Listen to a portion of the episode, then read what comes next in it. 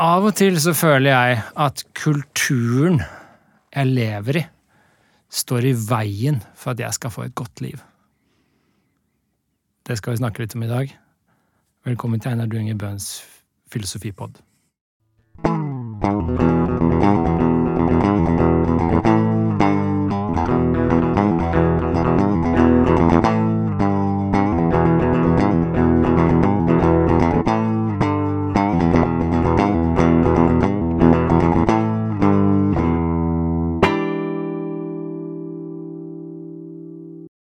I dag har jeg med meg Peder Kjøs. Velkommen. Takk. Stas å ha deg her. Artig å være her. Jeg syns at det jeg har hørt av denne podkasten her så langt, det er veldig kult. Så det er moro å bli invitert. Så bra. Du er jo eh, psykolog. Ja. Er det mer du vil si? Forfatter? Ja, jeg begynner vel å kalle meg det litt etter hvert da. ja, du gjør det? ja. Er du mer forfatter enn psykolog, eller? Jeg synes det er hardt å kalle seg forfatter, da. Fordi Hvor mye skal man ha skrevet? Ja, det er det. Det er det. Ja, mange bøker har du? Nei, med stort og smått, med de jeg har skrevet sjøl og de jeg har skrevet sammen med andre, så begynner det å bli rundt tolv bøker. eller ah, ja, noe da er du forfatter, er ikke? Jeg syns at jeg har lov til å si det nå. Ja, ja. ja, det er kult. Men jeg, jeg er det syns liksom ikke man har lov til å si forfatter før man har skrevet en roman. Nei, det er sant. Det det er det er egentlig bare tull. Men Man kan jo si det hvis man bare skriver sakprosa. men Ja, det er sant. Sakprosaforfatter. Ja, men det det er tungvint å si det òg. Ord som henger høyt for meg. Men det er kult å ha deg. For meg er det liksom to sånne der kloke psykologer i Norge. Det er deg og Sissel Gran. Takk. jeg er sånn Klara Klok og Peder Kjøs. Ja. Er Sissel er betydelig klokere enn meg, men Ah. hun har forsprang da hun er eldre. Ja, ja, ja, det er sant. Men jeg har mer erfaring, vet du. Ja. Men uh, i dag skal vi snakke om en klassiker. Vi skal snakke om Freud. Sigmund Freuds ubehage i kulturen. Mm. Dette er jo en gigant i vestlig litteraturhistorie. Ja, Ja, det er vel egentlig det. Jeg er litt sånn usikker på hvor mye den egentlig er lest, men Freud og hans tanker og teorier, ikke minst om kultur, det står veldig støtt. Det er en kjempesvær referanseramme. Når er boka fra? 1929? 29. ja. Mm. Så det er jo relativt Det er jo seint. Det er Ja. mot slutten av Freud sitt forfatterskap. ja, for han drev liksom siste delen av 1800-tallet, Ja, det var de store tinga kom, og så begynnelsen av 1900-tallet. Ja, det ene gjennombruddet var drømmetydning i 1900, og så begynte han å få sånn ordentlig anerkjennelse egentlig rundt 1920 et sted. Ja. Så 29, da er han liksom egentlig ganske sånn Han begynner å bli en eldre mann som Ja. ser tilbake og oppsummerer litt. Drømmetydning var en av de tre første sånn ordentlige bøkene jeg leste bevisst, som ikke var liksom pålagt meg av sånn filosofiaktige ting. Ah, det Det var er Platons drikkegilde i Aten, Ja.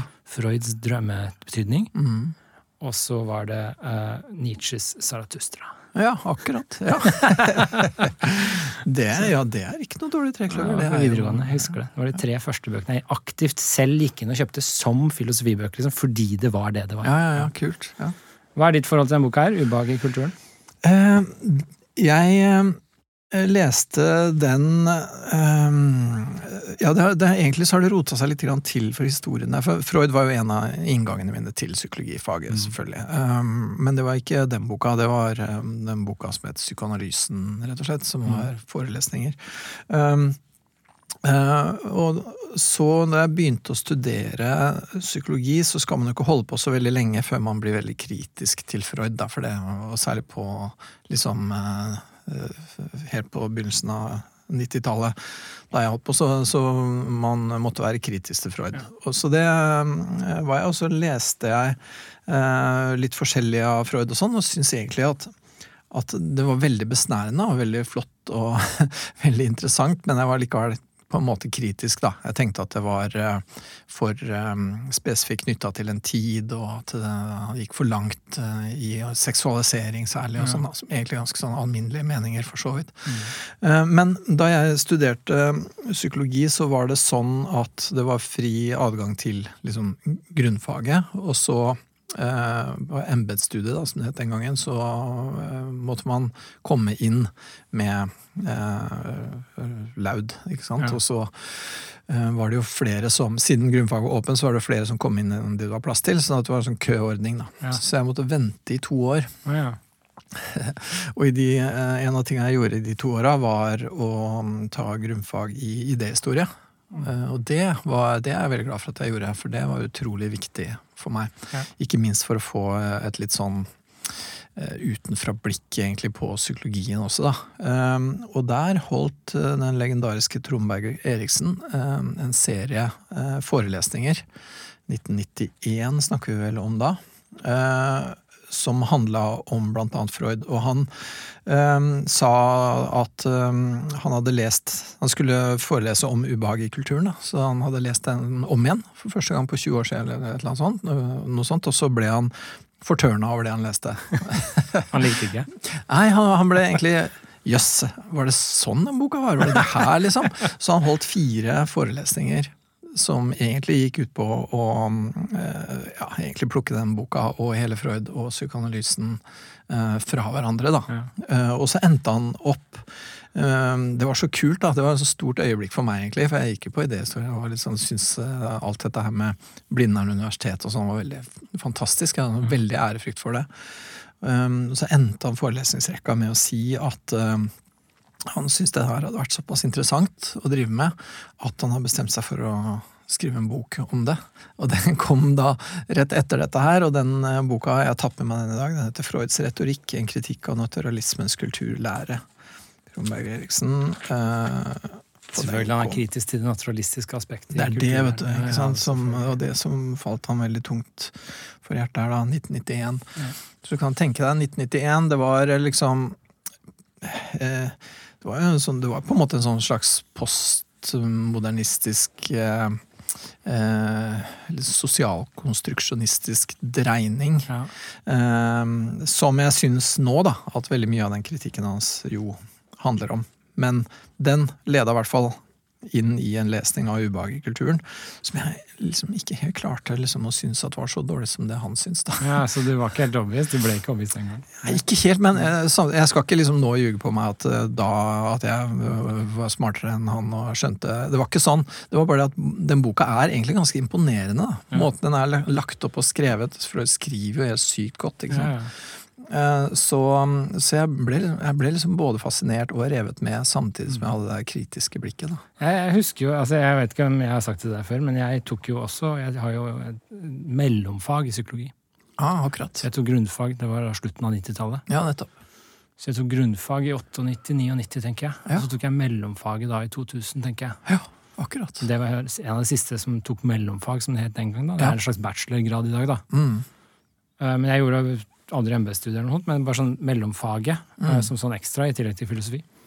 Og da husker jeg, som du sier, at Freud var ikke det var liksom, det var, jeg, Mitt inntrykk var at Freud var liksom utenfor fagpsykologien. Ja, ja. Så det var liksom sånn du drev med. Det var litt sånn som kaféfilosofien, liksom. Altså, det, var, ja, det, var det. Mm. det var Ja, det var ikke noe som Det var ikke vitenskapelig respektabelt, da. Nettopp. Det var litt eksotisk, liksom. Ja, det var veldig mye mer sånn der eh, mytologi og billedbruk, og det var liksom mm. Så husker jeg det var liksom veldig kritisert for å være litt sånn uvitenskapelig, fordi du, det var så stort tolkningsrom for mm. alt, så du kan jo tolke det som det ene og som det andre. og alt liksom, Så hvis du liksom gjør noe, så kan det tolkes freudiansk på 100 forskjellige måter. Det er akkurat det. Det er vanntett, ikke sant? Og det, det er jo noe av og Da blir det uvitenskapelig. Det er litt sånn som ja. evolusjonsleiren også med Darwin. altså den er bare sånn, Du kan forklare alt på en eller annen mm. måte evolusjonært. Ja, eller, det er noen som kritiserer det for å være litt uvitenskapelig, for den er ikke falsifiserbar på samme måte. Ja, når det gjelder akkurat eh, evolusjonsteori, så tenker jeg den har litt annen vitenskapelig Står mye sterkere. Eh, ja, den, den, står mye sterkere fordi at det nettopp kan utledes falsifiserbare hypoteser. Ja, enkelte ting, men det store bildet liksom ja, er veldig ja. vanskelig å få falsifisert. Ja, og ja. det jeg tror det er, da,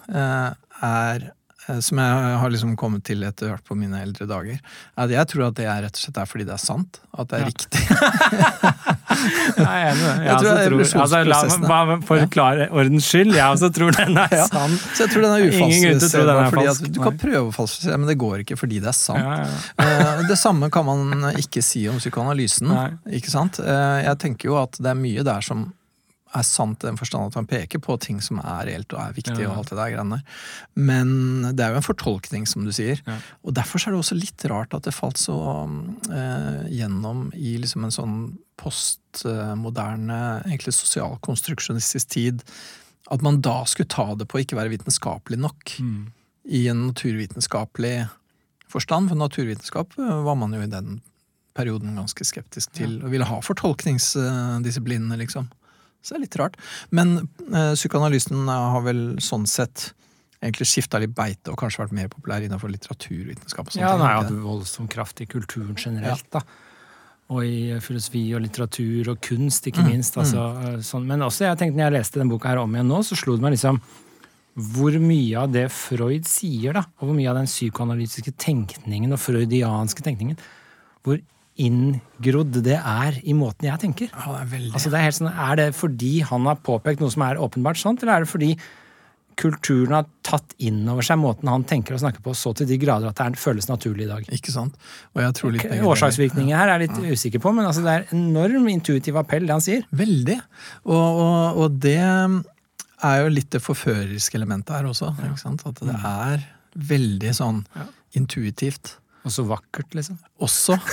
Og så finurlig. også, ja. ja. Men Nå mener jo selvfølgelig Trond Eriksen at det verken er finurlig eller vakkert eller smart. Da. Han mener jo at det er bare forførerisk og urimelig og fri fantasi og sånne ting. Men jeg syns det er for strengt. Men vi, vi, vi, vi kan kanskje Det er litt interessant å se på kritikken eh, litt etter hvert. Eh, ut fra nettopp hans kritikk, fordi at jeg syns den er den er så grundig, da. Ja. Eh, og jeg tenker også Han kritiserer annet Freud for å være tidstypisk. Og den kritikken er veldig tidstypisk. den er veldig tidlig 90-tallet. Mm. Men eh, det kan vi kanskje komme tilbake til hvis vi, hvis vi får lyst. tidlig 90-tallet. Jeg begynte på ungdomsskolen i 1990. Ja. Så tidlig 90-tallet har ikke jeg helt liksom den der eh, Nei, erfarte da, overblikket av. men du hadde jo liksom mye av universitetstida på slutten av 90-tallet. Ja, så 97 til 2002 gikk jeg på Can Mag, liksom. Ja. Mm, for jeg var ferdig, jeg var ferdig i 97, Ja, så jeg begynte i 97, da. Og så fullførte jeg så vi møttes i døra. mastergraden min i 2003. Mm. Og da husker jeg studerte psykologi, ja, mellomfag. To grunnfag, og så mellomfag. Skrev om evolusjonspsykologi, faktisk. Ja, nettopp.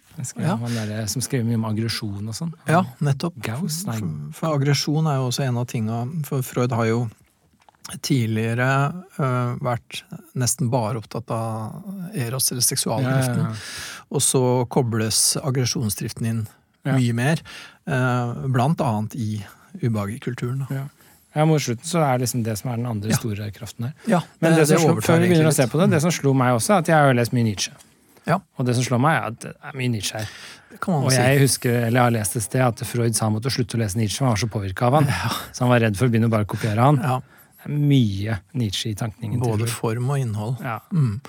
Ikke minst, Det er noe av det som gjør den boka så kul å lese også, er jo måten den er skrevet på. At Den er jo ikke sånn vitenskapelig tight, liksom. Nei. Det kan man ikke si. Den er mye mer skrevet på mye mer sånn Nietzsche-aktig, mye Ja. sånn store sveip. Mm. Og han skiller ikke helt mellom nøyaktige observasjoner og ganske solid spekulasjon. Noen av de spekulasjonene hans er også sånne som er forføreriske og lette å følge, men noen av dem er også så urimelige at det er liksom bare Det her kan du ikke slippe unna med. Ja. Men så lar man ham liksom slippe litt unna likevel, fordi det er så bra, liksom. Ja. Ja, vi, skal, skal vi gå gjennom den kapittel for kapittel litt, eller? Er ikke det en bra måte å gjøre det på? Jo.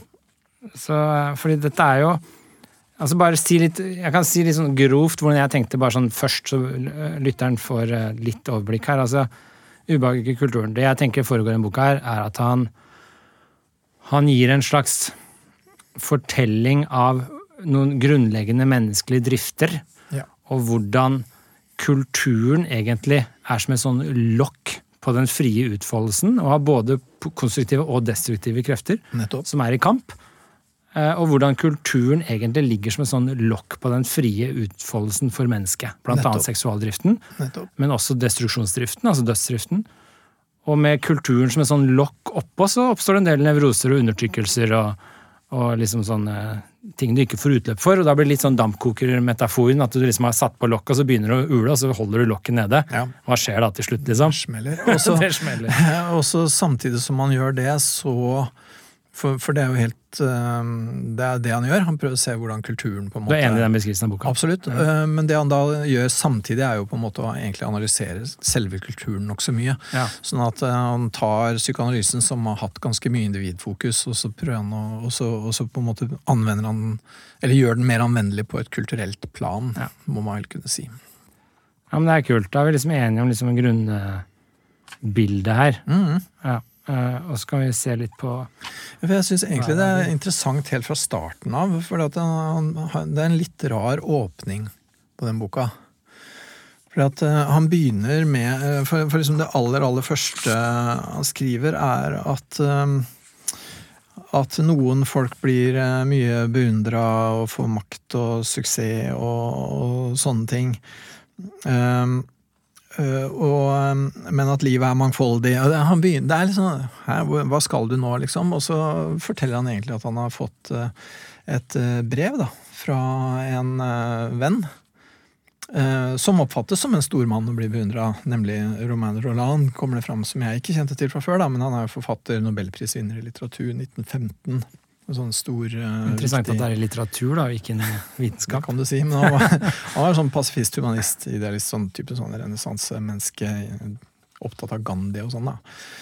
Og han eh, hadde sendt et brev til Freud uh, hvor han kritiserer Freud for å overse betydningen av det han kaller oseanfølelsen, da, som ja. er veldig viktig i det med religion. ikke sant? Og så sier Freud at nei, det har han ikke noe. Han kjenner ikke noe til den oseanfølelsen, hva det er for noe, som da skal ligge bak religionen. For han føler, han føler, ikke noen sånn samhørighet med omverdenen eller en sånn samhørighet med andre mennesker. Men la oss si litt hva den oseanfølelsen er, for den er jeg også ringa rundt her i kapittel 1. ikke sant? Mm. Altså hva den oseanfølelsen er, da. Ja, det er jo det han Det står på side seks, har jeg strekt under at han forklarer hva han mener med det. Ja, og han eh, godeste Roland her, da, eh, tenker at det er, det er på en måte en sånn type følelse av enhet med verden, samhørighet. Det er liksom den følelsen som ligger bak Eh, religion. da, Den mm. følelsen av å henge sammen med universet. Sånn type. Ja. For han Roland er veldig opptatt av uh, sånn asiatisk uh, filosofi og sånne ting. da. Så på side seks står det her det var en følelse han ville kalle en fornemmelse av evigheten. Mm. En følelse av noe ubegrenset skrankeløst, en slags oseanfølelse. Nettopp. Osean er vel liksom dette havet, er det ikke? det? Ja. Sånne svære, uendelige havet. Ja, at du er en dråpe i et hav. hav liksom. Ja. Mm. Mens Freud eh, mener at nei, jeg har et eh, jeg som er klart avgrensa. Uh, ja, I meg selv kan jeg ikke oppdage noe av denne oseanfølelsen. ja, ja. Så, han, så, han, begynner på en måte med den derre ja, ok, det fins på en måte noe stort, og så fins det på en måte et avgrensa jeg. Og så ja. starter han der, og så holder han på med forholdet mellom jeg eller selve da, og omverdenen. Og hvordan man som spedbarn jo ikke skiller mellom selv og omverdenen, men at det skillet læres gradvis, da. Ja, for det er der han liksom jeg, Det er der han, Den oseanfølelsen han, han, Det ser ut som han liksom setter den som en sånn dette, Han stiller vel spørsmålet til slutten av kapittelet er dette liksom grunnlaget eller kilden til religiøs tenkning. At vi har denne følelsen av noe evig, enhetlig, mm. som vi er en del av. Ja. Ubegrenset. Og så må vi liksom forklare det på en måte. Ja. Men så sporer han det heller til liksom spedbarnet. Så når du er født og begynner å leve, så er hele verden bare din bevissthet, og ikke noe annet. Nettopp. Altså Først når du begynner å skille ut den, mm. og sette deg i kontrast til noe du skjønner at mora di er noe annet enn deg selv, Nettopp. At så begynner du å dele opp på faggrensa jeg. Ja, at det der mors bryst er ikke en del av deg sjøl som ja. du har suveren kontroll over. Du stilles overfor at det finnes noe annet enn deg. Ja, det er vel det første traumet i liksom freudiansk tenkning? Nettopp, og det er der elendigheten starter. Ikke sant? For at det, blir, det blir, oppstår et skille mellom meg og det utafor, og det er det første skrittet mot dannelsen av liksom, realitetsprinsippet. Og der begynner konflikten, da. Du skjønner jo at det her er tulla mye med kulturen. altså når det første tra første traume er liksom at du mister puppen. Det ja. er jo mye å ta tak i her. Ikke sant? Og så er, så er, resten eh, Så vil jo Freud mene da, at resten av livet består egentlig i å prøve å gjenforenes med puppen. Da, ja. og, at det er, og at det er At kanskje denne oseanfølelsen Kanskje det ikke er en kontakt med det hinsidige og univers og bla, bla, bla. Kanskje det rett og slett bare er eh, en lengsel tilbake til den gangen du var en sånn type total eh, verdens hersker, da. Ja. Fordi alt var deg, liksom. Så når du er altet, og så mm. brytes du og separeres, og så mm. får du masse traumer og angst og problemer pga. det, ja. og så lengter du bare tilbake til det, og så sporer han egentlig religiøs tenkning som en sånn feilaktig illusjon vi prøver å forklare dette med, mens mm. egentlig så er det bare denne lengselen tilbake til å være en del av puppen. liksom. Nettopp. Ja. Og det er jo det Freud holder på med hele tida, det er å prøve å ta mangefasetterte fenomener, og så redusere det ned til hva det egentlig er. Og der mm. bruker han en sånn type naturalisme, da. At hva er det vi egentlig er? Jo, egentlig så er vi bare eh, sex og vold. Ikke sant? Ja. Egentlig så vil vi bare eh, pule og slåss, liksom. Ja. Og, det, og så reduserer han alt til det. fordi, og hvorfor vil vi det? Jo, det er fordi at denne her realiteten, at det finnes noe utafor, det er en hindring. Det hindrer oss i å gjøre det vi vil. Ja. Og det, så, så, så, det er liksom det grunnleggende problemet, da, er konflikten mellom det jeg vil, og det naturen Hvis jeg skal få all Hvis jeg skal gjøre dette her, da, hvis jeg skal utfolde mine behov, så må jeg gjøre det i et menneskelig fellesskap, på en måte. Og det menneskelige fellesskapet eh, godtar ikke det uten videre, men legger begrensninger på meg, da. Og det er liksom konflikten mellom individet Dette er ganske sånn gammeldags tenkning i filosofien om hva et jeg er, da, hvordan jeg oppstår. altså med sånn type sånn at ja, jeg er noe relasjonelt. ja. Altså Jeg kan ikke oppstå i isolasjon fra noe annet, mm. men det at jeg er meg, det oppstår når jeg ser meg selv i kontrast til noe annet. Mm. Så du må liksom bryte med alt annet. I motsetning til meg. Du må ha liksom kontrasten for å skape et jeg. Mm. Og den er kontinuerlig pågående kontrastprosess mm. for å opprettholde og skape et jeg. Ja. Så vi trenger liksom noe annet enn oss selv, og vi trenger på en måte det fienden da, for å klare å opprettholde et jeg. Ja. Mm, mm. Det er ganske sånn gammel tankegang, egentlig. Ja, også dette her er jo da truende, på en måte. da. Eh, det at liksom omverdenen vil jo stort sett, som Freud ser det, så vil jo omverdenen stort sett begrense deg. Vil jo stort sett hindre deg i å gjøre det du vil. Og eh, dermed så oppstår det en angst da, for skjebnens overmakt. ikke sant? Ja. At liksom eh, Hva hvis dette rundt deg vil straffe deg, da? For å gjøre de tinga du vil gjøre. Han, han sier en litt sånn artig ting her. Det, jeg er enig med at det er litt rart åpningskapittel, for det handler liksom litt sånn om religionens opprinnelse, men så mm. går det over til å bli noe annet. boka. Mm. Han forfølger ikke det her veldig mye utover i boka? Nei, han forfølger jo det med religion for så vidt, men det har han jo også skrevet en annen bok om tidligere, eller ja. to, sånn at uh, han bare viser til det på et vis. Men, men, det inngår jo her at religionen er en del da, av det store Eh, kulturen av det utafor som på en måte egentlig stort sett hemmer deg. Mm, han er veldig nedlatende til religion. Altså På slutten ja. av kapittelet så sier han opprinnelsen til den religiøse holdning kan i klare trekk, faktisk, føres tilbake til barnets følelse av hjelpeløshet. Mm, og senere farsbinding. uh, og han sier vel noe sånt som et eller annet sted at det, det skyldes liksom når vi legger bort all intelligens. Det er mm. da religionen oppstår. Ja, ja. Og det er jo der han begynner, og det er, der han, det er der han starter kapittel to, for så vidt, da, hvis vi skal gå videre. At han sier det at religionen er så infantil og virkelighetsfjern at det er pinlig å tenke på at de fleste tror på sånt. Så han syns, han syns, rett og slett det er flaut at mennesker er religiøse. Ja, altså det er, litt, det er rett og slett bare noe du, vi finner på for å liksom misforstått søke tilbake til mor og far. Ja, og i uh, angst for skjebnens overmakt. Ja. Angst for at uh, de rundt deg på en måte Eller det er en lengsel da, etter både allmakt og total kjærlighet, liksom. Men dette er jo Altså, dette er jo ting som er For en ateist, da, så er jo det her liksom Ja, det stemmer. Ja. Ikke sant? Det er jo sånn ateisten tenker. For meg i 1990 så er dette ja. her Jeg husker meg selv som student. Det var jo det her vi tenkte. Ja, selvfølgelig. Og det, det, er jo liksom Ja, religionen er så infantil og virkelighetsfjern at det er pinlig. Jeg likte jo å tenke sånn. Ja. Jeg har blitt litt mer ydmyk når jeg ble eldre, men altså jeg, det var sånn jeg tenkte. Ja, Og der har man allerede liksom uh, Freud sin litt sånn, litt sånn forførertalent. da at han uh, på en måte inviterer deg jo til å vite bedre enn alle andre. Ja. Og til å være den ene som da ikke er infantil og virkelighetsfjern. Ja. Og til han inviterer deg liksom inn til å være blant de som vet. Ikke sant? Så det er jo klassisk sånn, egentlig. fantastisk.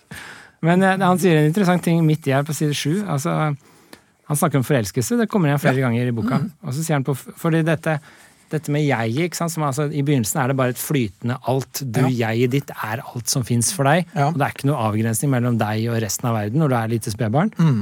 Mens og så sakte, men sikkert så begynner du å bryte og sette deg i kontrast til alt annet. Du skjønner at det er andre ting enn deg. Mm. Og så sier han på side 7, nederst på side 7 sier han på forelskelsens høydepunkt mm. så truer grensen mellom jeget og objektet med å flyte ut igjen. Mm. mm. Så når du er stormforelska, så er liksom da er dere ett. Ja. Det er ikke lenger noen klar grense mellom deg og den andre da. Ikke sant? Ikke sant? Men det er jo ja, og der sier han det, ja. Mot uh, alle fornuftens vitnesbyrd hevder den forelskede at jeg og du er og skal være ett, og er rede til å oppføre oss som om det var slik. Så der lukker jo liksom um, universet seg rundt paret, på en måte. Ja. da. Den og dette er, jo, er ikke dette en av de derre Altså, vi kan komme tilbake til, men kjærlighetsdriften og forelskelsen og sexdriften er jo liksom en av det derre de to grunndriftene. da. Så han lufter allerede her helt i begynnelsen. Liksom, at da, Mm. da kommer du tilbake til egentlig den der opprinnelige hvor flyter ut jeg flyter ut. Ja, og hvor du på en måte øh, Ja. Ja, hvor, hvor, hvor liksom um, Det er sånn full behovstilfredsstillelse på et vis, da. Hvor, Mm. ja. Kapittel to har jeg masse understrekninger i, for Ja. der begynner han å stille spørsmålet Ja. hva er meningen med livet? ja, han gjør det. det er jo, ja, det, han er Så jeg tror ikke vi kommer videre nå. Det er her vi ender opp.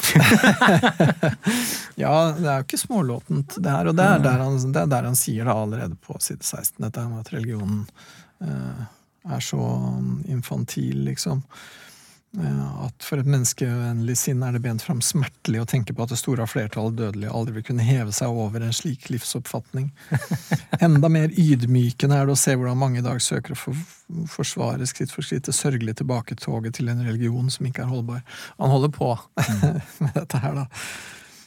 Men eh, ja, på side 18 så sier han vi må trenge dypere inn i problemet, og da begynner han å Ja, egentlig må jeg nesten inn litt før det. at han på en måte, hva, Hvorfor gjør vi dette her? Hvorfor er vi så, hvorfor holder vi på? Og der tegner han jo opp på et vis livssynet sitt. da. Men han sier det at livet, slik det er gitt oss, er for vanskelig. Det gir oss så mange smerter, skuffelser og uløselige oppgaver. Ikke sant? Og det er et temmelig viktig punkt. For han sier jo at eh, livet er faktisk umulig. Det går ikke an å være lykkelig. Så den eneste måten å prøve å få til noe i nærheten av lykke, det er ved hjelp av avledninger, erstatninger Ja. og rusmidler. og så er det egentlig det vi holder på med, da. Vi holder på med avledninger, erstatninger og rusmidler, liksom. Jeg har spilt inn en episode her om uh, Zapfes Det tragiske. Ja. Og Zapfe er jo, har jo tydeligvis lest Freud. Han Det- refererer til han ja. sted også, men det er jo veldig noe av det Zapfe sier, og vi er liksom vi er overutrustet, Mhm. vi mennesker, på en måte som gjør at vi har for mye evner, for store evner til det vi trenger. Og slik sett så er vi dømt til å mislykkes. Vi, vi blir som den hjorten som får altfor store horn. Til slutt så bukker den under pga. størrelsen på horna sine. Ja. Eh, Og da trengte ikke så mye, og vi trengte ikke så mye kognisjon og evner som det vi har. Mm. Så vi blir dømt. Det er umulig å leve sånn som vi vil, da. ja. Og jeg tror ikke Og da lager vi masse surrogater, sier Zapfe. Ja, ikke sant? Og, for det er jo hans eh, liksom, teori om det tragiske. Og den er nok mye avleda, men jeg tror egentlig ikke at Freud vil si at det er fordi vi har for mye evner. Nei, det vet jeg ikke. Jeg tror er- han vil si at det er fordi at vi har grunndrifter som er uforenlige med Ja, ja, ja. realitetsprinsippet. Jeg. For de to, de to driftene vi har, de er uforenlige med For realitetsprinsippet begynner vi å bygge når vi møter den ytre verden. At liksom, shit, det fins realiteter. Jeg er ikke uavgrensa allmektig. Mm. Og de realitetene hater vi, da, og så støter driftene våre mot. Ja, nei, det er jeg enig i. Jeg tenkte mer bare på at de begge ser på det vi driver med, som vi ser på som sånne viktige, store kulturelle ting, det ser de bare på som surrogater og Mm. Ja, ja, ja, illusjoner. Altså de bare, de vil bare make shit up. Yep. For å liksom tilfredsstille behovene våre. ja. Alle unntatt Freud og Zapfara, selvfølgelig. Eh, Men ja, men eh, han sier, på side 18 så sier Freud spørsmål om meningen med livet. Mm. er blitt stilt mange ganger. Ja. Og alltid uten noe tilfredsstillende svar. Ja. Jeg skulle jo likt å sendt han en bok, da. ja, du skulle vel det. Som uh, er skrevet litt etter hans død. Men, Ja. ja. nei, men altså, han sier det er snarere slik at man ganske enkelt har rett til å avvise spørsmålet. Mm. Det at det stille synes å skrive seg fra det menneskelige hovmot. Mm. Så han syns jo bare rett og slett er hovmodige når vi stiller spørsmål om hva er meningen med livet. Og da, Ja. her tenker han vel på det som en sånn stor, overordna plan, for han har jo Mm. akkurat liksom avvist all religion som et infantilt ønske tilbake til puppen. Nettopp. Eh, Og da er det jo desto like meningsløst å stille spørsmål om meningen med det hele store utover det. Ja, for det er jo da ikke noen mening for hvor Men skulle den komme jeg fra. bare på en syns det kommer litt brått. Altså Jeg bare synes det er sånn bastant, er det ikke det? Bare sånn derre Ja. Ja, altså det er jo en logisk feilslutning å si liksom Vi kan ikke vite noe om det, derfor fins det ikke. Men altså, han underbygger det litt med at det blir ikke spurt etter meningen med dyrenes liv. Hvis den da ikke skulle være å tjene mennesket, og heller ikke det er holdbart, fordi at det fantes jo dyr lenge før det fantes mennesker. og sånne ting. Sånn at, så at, eh, at spørsmålet er meningsløst fordi eh, i, I den grad vi mennesker også er dyr, da. For det er jo, hva er meninga med dyr sine liv? Det er jo ikke noe meningsfullt spørsmål, det, på en måte. Jeg tror det, da, men vi kan ta det en annen gang. Ja, og, ja, og jeg vet jo, for, fordi at i, i din bok så skriver du vel da på en måte at meninga med livet er liksom forbedring, prøve å gjøre ting bedre og, og sånn. Så lenge det er et forbedringspotensial, så er det også en mening med å fortsette litt til. Og det er det også for dyra, men de har bare ikke evnen og er ikke i stand til å gjøre det på samme måte som oss. Nei, og de er ikke i stand til å gjøre seg den refleksjonen, ikke sant. Men, men, Men, poenget er det samme for alle. De Ja. bare er ikke sant. De er dårligere stilt enn oss. Mm, ja, eller bedre. Ja, Zapfe ville faktisk vært bedre, for de slipper den der eh, frustrasjonen at vi ikke får Du slipper tilfredsstilt. å lure på det, det bare lager seg litt Ja, bedre i. det er uten tvil at katta mi er lykkeligere enn meg. Sikkert. Det er jo ikke noe tvil om. Nei. Altså, fordi den er jo bare, den har det helt opp, liksom. Ja, ja. Og de lykkelige menneskene jeg kjenner som sier sånn 'jeg har det så bra', jeg. Det er et eller annet gærent med dem. De er mer jeg. like katter enn det du er, ja. Ja, det er jo ikke liksom de brightest eh, stars. Så ja, men det, er- det, er- ja, det er kanskje hovmot, som Freud sier. Det er nok det. Øh, Men ja, fordi at hvis livet skulle hatt en hensikt, da, så må du se for deg en slags sånn hvis, for, for det er jo også mening. fordi at eh, hvis, hvis livet skulle hatt en mening i en sånn teleologisk forstand, da, at det skulle være en hensikt, så må jo noen ha den hensikten, på en måte. Ja, det Hvis det skal være en mening med en plan, liksom, en Ja. intensjon, så må det jo være en større intensjon bak. Da må det være noen til å ha denne Ja, så da må det være en gud og sånn, sikkert. og det avviser jo Det avviser jo Freud og sånn, Ja. men altså, jeg tenker det kan være en poeng med å fortsette uten at det er noen intensjon. Da. Ja, men, men det er et poeng, og det er noe annet enn en mening. Nei, Ikke for les deg. boka nøye. Ja, jeg har faktisk ikke lest boka di. Les den nøye, der er det forklart. Ja. Nei da, men altså, vi kan snakke, vi- det er ikke den boka vi skal snakke om nå. Men det, Nei, for- han gjør, det da, det som er da- litt interessant, er at han stiller spørsmål, så avfeier han det for, som for stort. Det er liksom hovmodig og Ja. tull, vi har ikke noe svar på det. Ja. Så det vi heller skal gjøre, er å se på hva er det menneskene faktisk stiller seg opp som Nettopp. mål og hensikt i livet. Hva slags mening er det vi faktisk prøver å skape oss selv? Mm. Og der sier han at svaret her er neppe til å ta feil av. De streber etter lykken. De vil være og forbli lykkelige. Det er Aristoteles tankegang. Aristoteles sier jo det. Det er det overordna målet. Alt streber etter, det er lykke. Mm. Ja, og, det, og der er han tilbake til at det er å vike unna ulyst og smerte. Og på den andre siden ønsker vi å oppleve sterke lystfølelser. Mm. Og i de to retningene er det vi egentlig all vår aktivitet går, da. Så her er det liksom både litt sånn aristotelisk, teleologisk måltenkning, men det er også en slags hedonistisk tenkning bak her. Altså vi søker bare lyst og forsøker å unngå ulyst. Det er det han kaller lystprinsippet Ja. i en annen bok som heter Hinsides lystprinsippet. Men det Vi får ta en annen episode, Ja, det, kan vi det. Men, det er faktisk en veldig artig bok, og ikke minst er den tynn. så Det, nei. Det er det er en liksom- fordel med flere av disse veldig gode bøkene til Freud, er at de er ganske tynne. ja, ja, ja, det er kult. I motsetning til Drømmetydning, som jeg syns var barskt valg av deg som ung fordi den er så tjukk. Ja, jeg bare husker jeg var i hvert fall snart av drøm. Ja, ja. Jeg drev og skrev ned drømmene mine lenge. ja, ja, ja. Våkna midt på natta og skrev ned. ja det er kult. Men dette med lyst og ulyst er jo Mm. litt sånn hedonistisk. altså At det er det som liksom er grunndriften vår. Mm. Det er jo en del nyanser her som jeg føler blir borte her og mange andre steder. Sånn som vi mennesker har f.eks. en evne til å føle smerte. Ja. Det er også dyr. Ja. Katta mi kan føle smerte, og jeg kan føle smerte. Ja. Men så er det litt mer åpent spørsmål om jeg kan f.eks. lide. Jeg kan ha lidelser. ja. Det er litt mer åpent om katta kan ha. Fordi katta kan føle smerte. Mm. Men smerte er ikke umiddelbart det samme som lidelse. Fordi når du har en lidelse, så er det noe mer sånn Jeg dveler ved denne smerten ganske lenge, mye Ja. lenger. Altså Det er en slags mm, høyere kognitiv tilstand å lide. Mens det å bare føle masse smerte er mye mer grunnleggende. ja. Uh, Og det er litt sånn åpent spørsmål i filosofien. Da. Forskjellen på lidelse og smerte. Er mange som trekker det skillet. ja. Uh, Og det Så jeg vil jo tro at vi mennesker er ikke alltid sånn at alt jeg gjør, er å unngå smerte. Fordi smerte kan ofte oppleves veldig godt. Jeg er ikke sikker på om Freud gjør det skillet så skarpt. Nei, jeg altså. tror ikke han gjør det tatt. Nei, fordi han sier litt seinere at liksom våre muligheter til å oppleve lykke er redusert ved vår konstitusjon, sier han. Mm. Fordi at vi er lagd sånn at vi erfarer egentlig bare forandring. Vi er ikke, lykke er ikke en tilstand, ikke sant. Mm.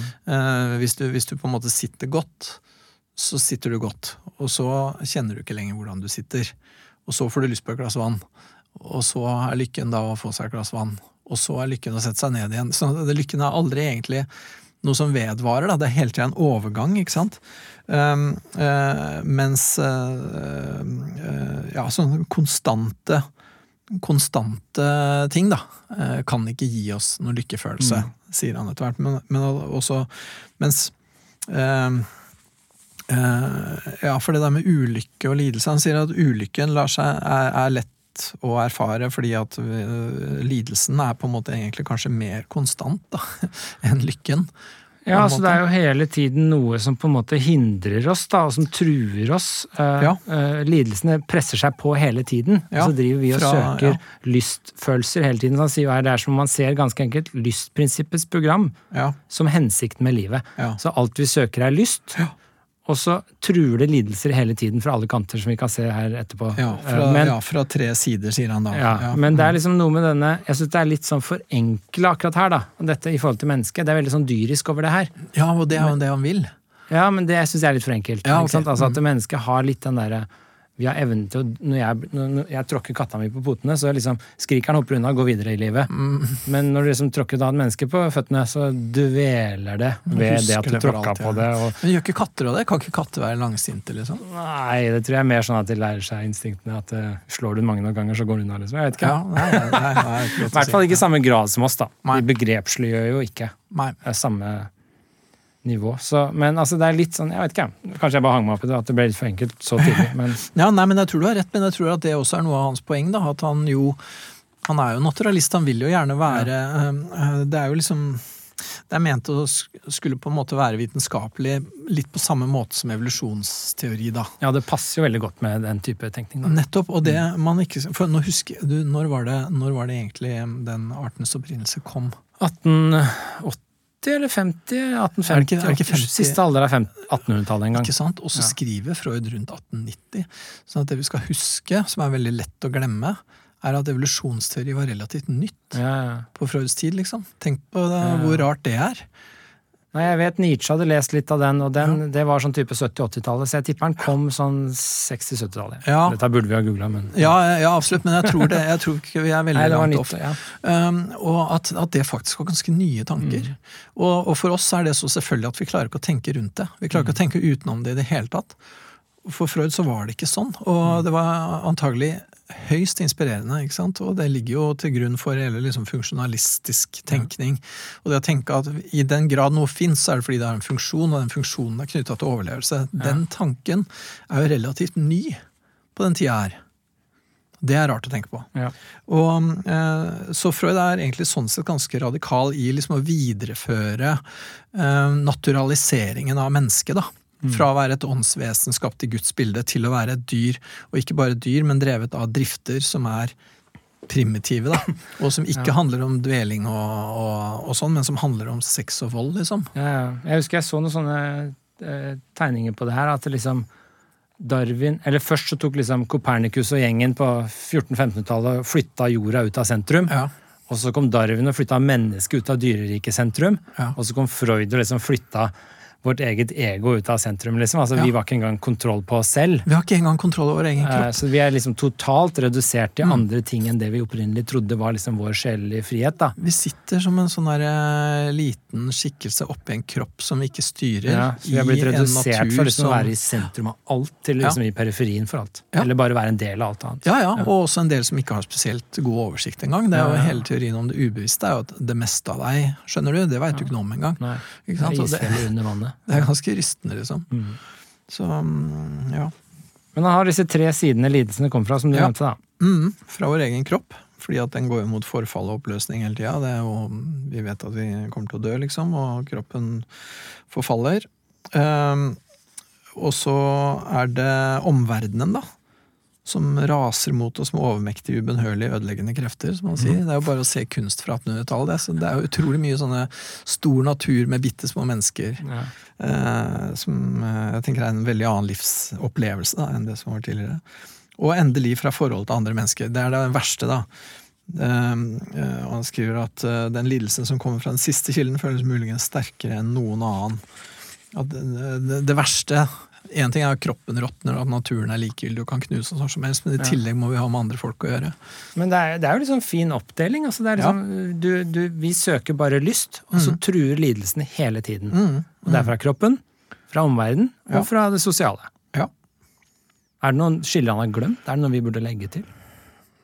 Er det noe annet det truer fra? Fra oss selv? Han kommer inn på det senere. Det som truer oss fra oss sjøl, stammer jo mye fra vår omgang med menneskene. Ja. Det skal, for det er jo det med liksom, Det som jo egentlig er liksom litt sånn Nøkkelen i boka her er jo den skyldfølelsen. Ja, eller-. Ja, Mm. eller, ja. Nei, det er veldig sånn fin uh...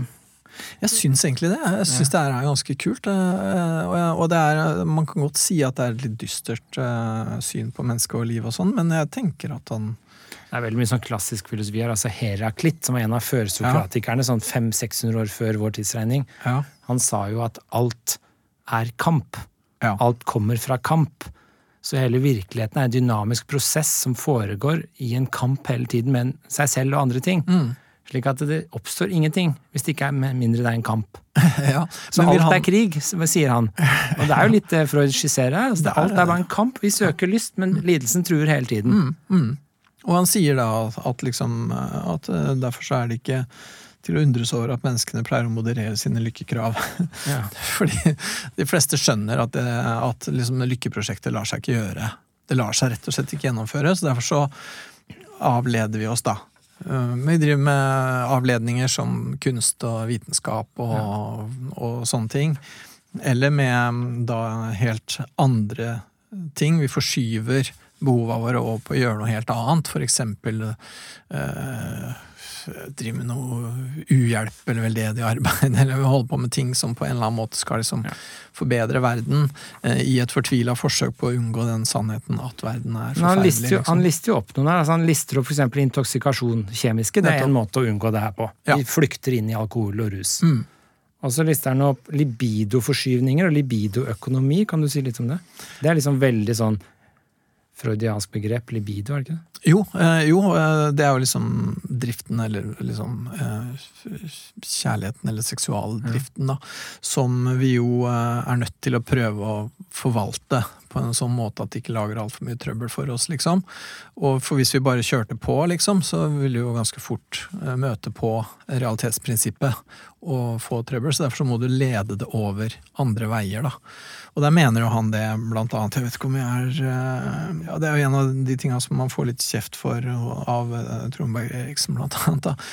At, at eh, vi er drevet av libido, og så, og så plasserer vi det et annet sted som, hvor vi kan på en måte holde på.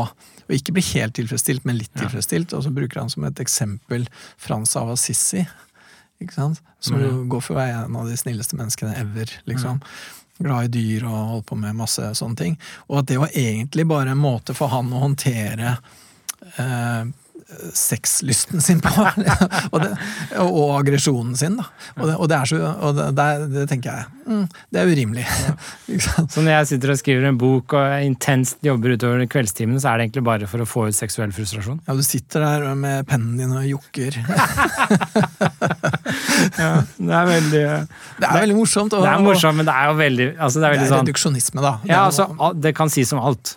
Ikke sant? Ja, men det gjør du det. bare fordi du er seksuelt frustrert. Du kan si det om alt. Ja, eller aggresjon, da. Ja. Og det er jo det, og han holder på med en sånn type avsløring hele tida, at alt er egentlig. Og det når du sier alt er egentlig, så er du på en måte en systembygger, ikke sant? Ja, ja, ja. Og det er jo reduksjonisme, og det er naturalisme. Alt er egentlig.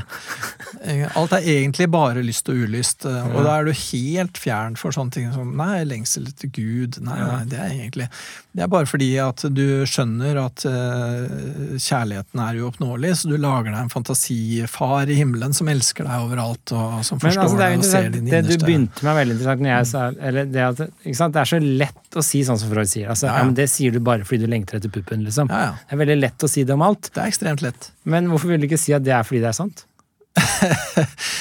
Det er Eh, derfor det er så lett å si det. Det er derfor det er så vanskelig å begynne Ja. å gi masse komplisert metafysikk. og så Mye lettere å bare si om du lengter bare tilbake til den oseanfølelsen ved puppen. ja. Og, ja, og det er et godt spørsmål. Hvorfor kan man, Ja vel, ok, det er vel fordi han har rett, da. Man og det er jo det. Det kan man jo si, men jeg på en måte der og det, har ikke noe så veldig mye bedre argument enn at det føles ikke sånn, liksom. Nei, det, er, jeg det, enig. Det føles ikke riktig. Det føles forenkla, og det er ikke jeg, jeg, og, og der vil jo han si ha-ha, motstand tok deg, liksom. Ikke sant?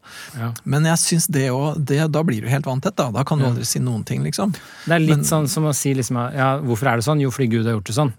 Det er litt sånn. Ja, du kan si det om alt. Ja, du kan si det om alt. tomt. Da blir det Og- forklaringstomt. Ja, og det blir på en måte For, for når det kommer til stykket, da, så blir jo dette her metafysikk. ikke sant? Ja. Hva er det som egentlig ligger bak allting?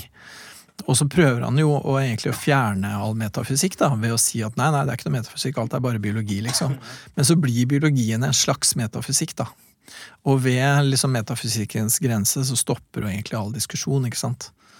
Det vet jo du som har skrevet om Man har skrevet metafysikk. bok om hva metafysikk er. ja, jeg vil ikke vi skal ta den diskusjonen. Jeg syns jo metafysikk ja. Men det har lett for å stoppe der, eller, eller egentlig ikke nødvendigvis stoppe, men skifte karakter, da. Nei, altså Det blir mer usikkert. ikke sant? Når du begynner å gå utover i metafysisk territorium, så blir alt mer usikkert, for du får ikke empirisk sjekka det. Du Du får ikke falsifisert på samme måte. Mm. Men du må begynne å tenke mer helhetlig. så du må begynne å se Hva er den beste forklaringsmodellen? Hva er den beste alt-i-alt-teorien her? Ja, og hva hva, vinner du med best? av det? Mm. Forholder det seg til fakta? Det er mye mer helhetstenkning. Ja. Så det er ikke sånn at det bare stopper opp, men det blir litt mer Ja, du, kommer, du, Usikkert, skifter, ja, du, du på en måte skifter nivå, og så kommer du opp på et sånt nivå hvor det egentlig ikke er noe lett å sette noen målestokk, da. Ja, men jeg, ja, men jeg er veldig uenig i at liksom, så fort det blir metafysikk, så er liksom alt up for grabs. Det er jeg ikke enig i. Syns du ikke det? Nei, fordi når det blir metafysikk, så er det fortsatt gode og dårlige argumenter du kan gi, Ja, ja. for eksempel. Og da er det fortsatt mer fornuftig å følge de gode argumentene. Ja, ja vi, vi bør vel kanskje ikke begynne på den diskusjonen, men for det, det er en, lang... man kan godt diskutere veldig mye hva som er gode og ikke så gode argumenter, Og da. da er det mer helhetstenkning igjen. Ja. Men altså det, en interessant ting Freud nevner, er jo at det er liksom rusen er en fluktmulighet. Ja, og det er jo på en måte bare Ja, for rusen, poenget med rusen er jo rett og slett å bare um, Den er tofoldig. Det ene er på en måte å rett og slett ikke kjenne smerte. Du, Mm. du på en måte bedøver deg, liksom. Og det andre er på en måte å gi deg en unnskyldning til å bare følge. Ja. Ikke sant? At, uh, Og Freud drev vel litt med kokain sjøl, jo, men jeg tror at det opprinnelig ikke var som rusmiddel. Det var fordi kokain ble brukt som bedøvelsesmiddel i operasjoner og sånne ting. Og så hadde det den bivirkningen at det var ganske digg. Og Ja. så hadde det den bivirkningen at når du først hadde begynt med det, så var det vanskelig å slutte. Ja. For han skrev litt sånn hyllest til det først, og så ble han mer kritisk. ikke? Jo, blant annet fordi at en av hans venner ble jo meget henfallen, og det gikk ikke så bra. Men i tillegg til de to, da, som er rus og libidoforskyvninger, så snakker han også om kjærlighet og skjønnhet. Som sånne måter eh, livslykken søkes. Eh, Ja.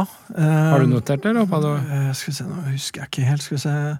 Ja, for han, han, han skriver på en måte at man, man kan liksom søke eh, Den her libidoforskyvningen, da. Det er en måte å, å, å, å prøve å håndtere eh, eh, seksualdriften på ved å gi den et sosialt håndterbart eh, formål, liksom, eller putte det inn i en sånn retning. Og det er blant annet det med for eksempel bare det med arbeid, da.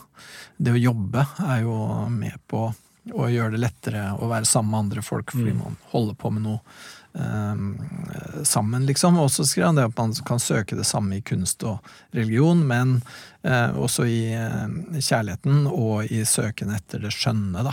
Det vakre, liksom. At det, det blir også en sånn måte å liksom prøve å eh, rette den erotiske driften sin mot noe som ikke nødvendigvis får noen konsekvenser, da. Ja, men det som jeg synes var litt interessant med det han sier om kjærligheten akkurat her, er jo at eh, han sier kjærligheten, det er også eh, holdning overfor tilværelsen som har kjærligheten som midtpunkt. Det er på en Ja. måte noe vi kan gjøre for å søke denne livslysten vi er ute etter. Ja.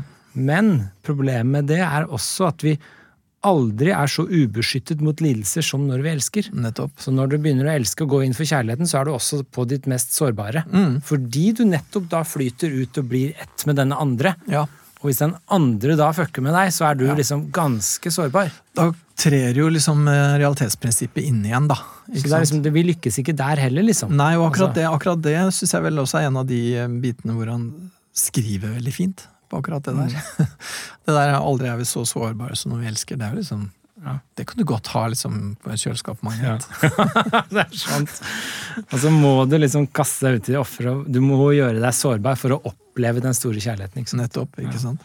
Um, Altså Det ja. han sier om skjønnhet òg, syns jeg er veldig kult. Han sier livslykken søkes i det å nyte skjønnheten. Mm, En estetisk holdning. mm. Uh, og så sier han skjønnheten, det eneste som synes sikkert om dens opphav.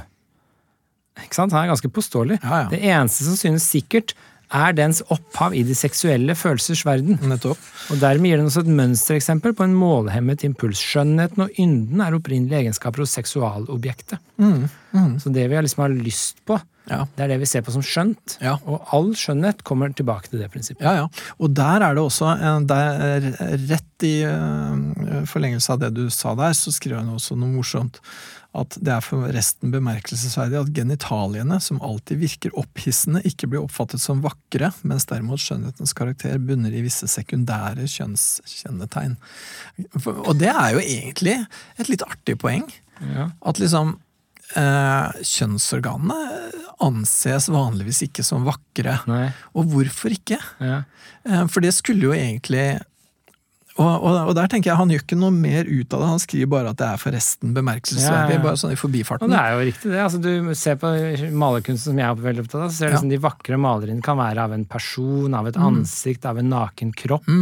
Men det er aldri direkte rett inn i genitalene, liksom. Sjelden. Det er det der ene bildet, da. Det, Det er ikke det skjønneste bildet, er liksom ikke det. Nei, det er det ene det som heter uh, Livets opprinnelse, eller hva det heter. Jeg husker ikke. Ja, det husker. Husker du? Nei, det er, et veldig, det er et artig bilde, for det er rett oppi Ja. Eh, og, og det er fra slutten av 1800-tallet eller noe sånt. Men jeg, der, der tenker jeg Freud sier ikke så mye mer om det, men han sier at, at liksom det skjønne og sånn, det er på en måte, man søker det et annet sted enn i akkurat genitalien. da. Man kan godt eksempel synes at, som han sier da, um, sekundære kjønnsgjentegn, da mener han jo pupper, da, ikke sant? Eh, de kan være vakre. Men ikke, ikke liksom kjønnsorganene som Ja. sådan. Og, og hvorfor ikke? Er det noe med at det blir for direkte, på en måte? Er det med at det blir for rått? eh, Altså jeg tenker En sånn umiddelbar darwinistisk forklaring er jo at det som var lønnsomt å tiltrekke seg av, var jo det du kunne se kjapt. Nettopp. Ikke sant? Ansikt, for eksempel. Ja. Det pene ansiktet tiltrekker oss, fordi det ser du hele tiden. Ja. Men du ser jo ikke rett oppi genitalene når du går rundt med klær på. Det Så spesielle det er er jo jo at upraktisk om det var det vi måtte se før vi fikk lyst til å lage barn. Bare at vi gikk jo ikke med klær alltid. Ja, For det gjør jo ja. Freud eh, også et poeng ut av at når vi eh, reiser oss opp, da, når vi begynner å gå på to, så mister luktesansen mye av sin betydning, Ja, men ja, ja. synssansen blir viktigere, for da ser vi. Um, og kanskje dette her er en av inkonsistensene hans. At når vi liksom begynner å se kjønnsorganene, så um, Eller bare at vi har mista liksom den derre Det er ikke lenger det som er, er selektert for, da. Mm. Og så like det direkte Ja. synet inn. Det er mer selektert for å like det du ser på litt avstand Ja, og litt tildekt, for det er også sånn, det er, også en, det er en av forskjellene på porno og erotikk. ikke sant? At I porno så ser du rett inn, men ja. i erotikk så er det på en måte sånn litt tildekka, og det er egentlig mer interessant. Og er ikke det noe med eh, Jeg lurer på om det har noe med liksom det at vi egentlig også liksom liker at ting er litt tilslørt. Vi liker, Ja. liksom, for vi liker å eksplorere, da. Vi liker å undersøke, og vi liker selve pirringen ved å være Ja. nysgjerrig.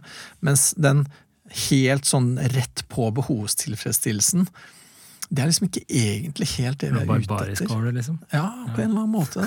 Eller dyrisk, da. Men Ja. eh, Det er noe litt mer spennende. Og, ja. ja, det Det er det som er et av mine problemer med dagens kultur, og at det er blitt så vulgært. Ja, ikke sant? Ja.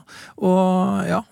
Det er mye, det er mye mer cla- classy liksom, å ha det litt tildekt og litt skjult. Det er mye mer spennende. Jeg tenkt på det av og til, liksom, Tenk hvor mye mer spennende det var å første gang se en naken kvinne på 1700-tallet, ja. enn det var nå når alle har sett oppi alt som er å se oppi på internett, før de liksom kommer ut og møter noen. ja. Var det ikke mye mer spennende den gang å se liksom, første gang få Ja, ja. ta og kjenne på en naken kropp? Det må jo ha vært en sublim opplevelse. Sikkert. Mens nå har vi liksom sett alt før du kommer deg ut. Ja, og det er når Freud da på en måte For det her vil man jo på en måte kunne si at når Freud liksom avkler alt, da, og på en måte viser fram alt på den måten, så liksom eh, undergraver det litt eh, På en måte Man vil jo kunne si ja, Man vil kunne si at det undergraver liksom det menneskelige, hvis det menneskelige er å eksplorere og være nysgjerrig, og, og sånn, men Freud vil jo kanskje da innvende at det er bare avledninger, da. Og at vi på en måte kanskje nesten liker avledningene bedre enn målet, liksom. Ja, altså det, ja, jeg vet ikke, det er litt Dette er, det siste han tar opp, er jo religionen som sånn illusjon. Altså Ja. det, her er det han er virkelig nedlatende. Her sier han religionen Dens teknikk består i å redusere livets verdi. Erstatte bildet av en reell verden med en illusorisk. Dette forutsetter igjen at intelligensen utkobles. For denne prisen lykkes til religionen gjennom en voldsom fiksering av en psykisk infantilisme, og ved at man opptas i en masseillusjon og skåner mennesker for den individuelle nevrose. ja. Så, ja. Men altså, det er interessant. Så kapittel to er egentlig bare sånn Ja, vi har disse lystprinsipper vi følger, mm. Og så er det masse lidelser som truer fra ja. forskjellige hold, mm. og så prøver vi å make shit up for å kompensere for det. Ja. Det er, det er, ja, det er egentlig mer eller mindre det, ja. Mm.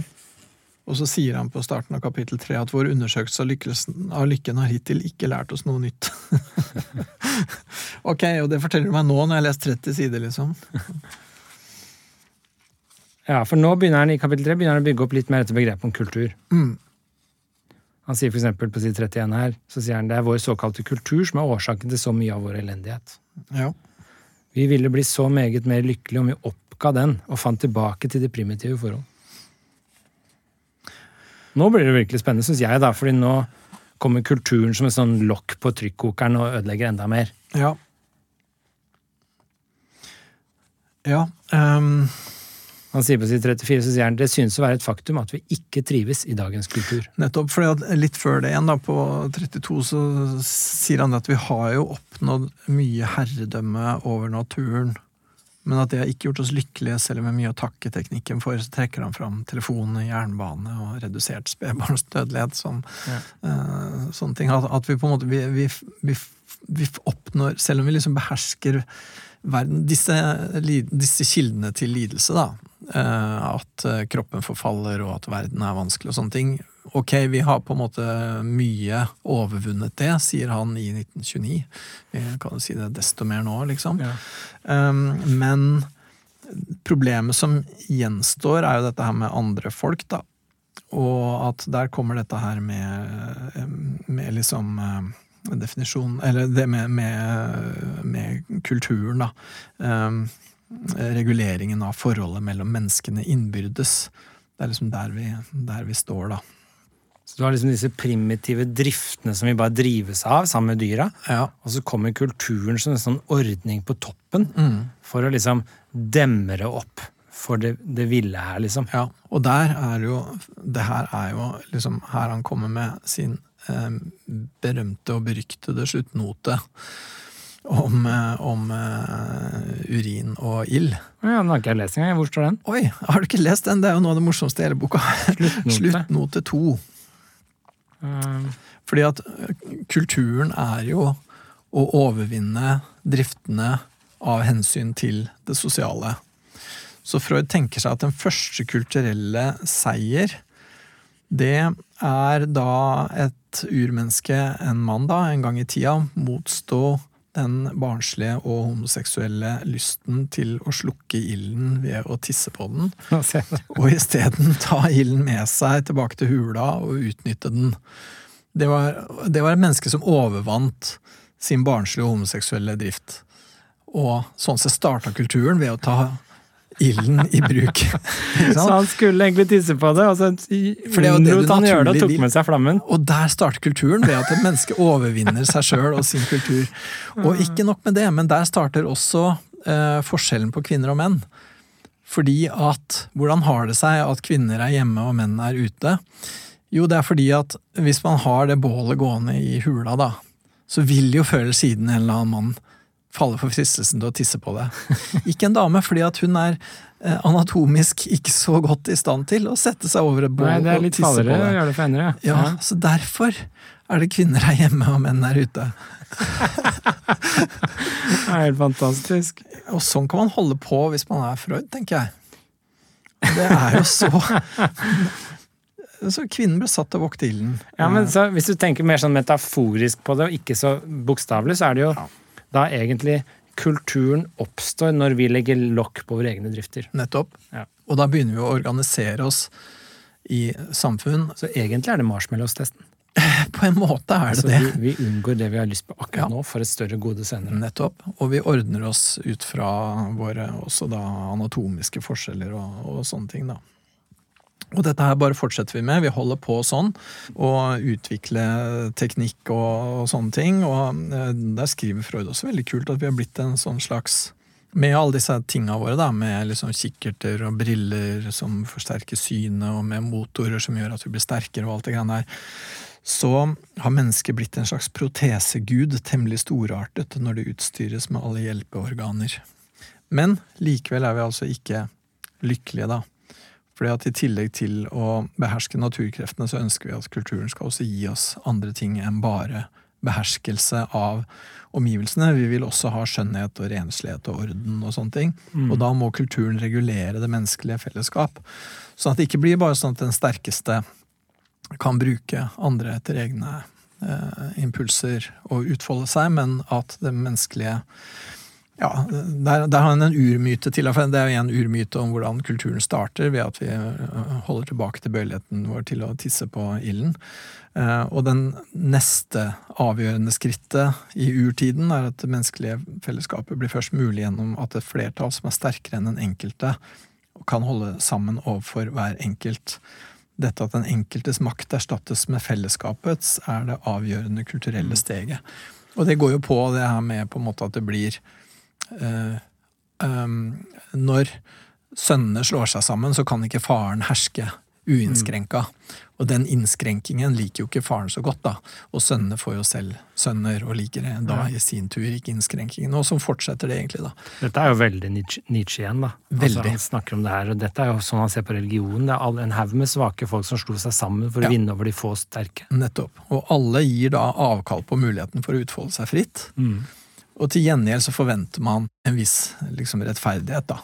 Og så gjelder det å finne, da, så er kulturkampen er egentlig å finne en best mulig balanse mellom den enkeltes frihet og fellesskapets behov, da. Så da, da skriver han at eh, på 41 det er et av menneskehetens skjebneproblemer, dette hvorvidt en slik utjevning er oppnåelig innen en bestemt kulturform, eller om konflikten er uløselig. Ja, den er jeg også strekt under her. Ja.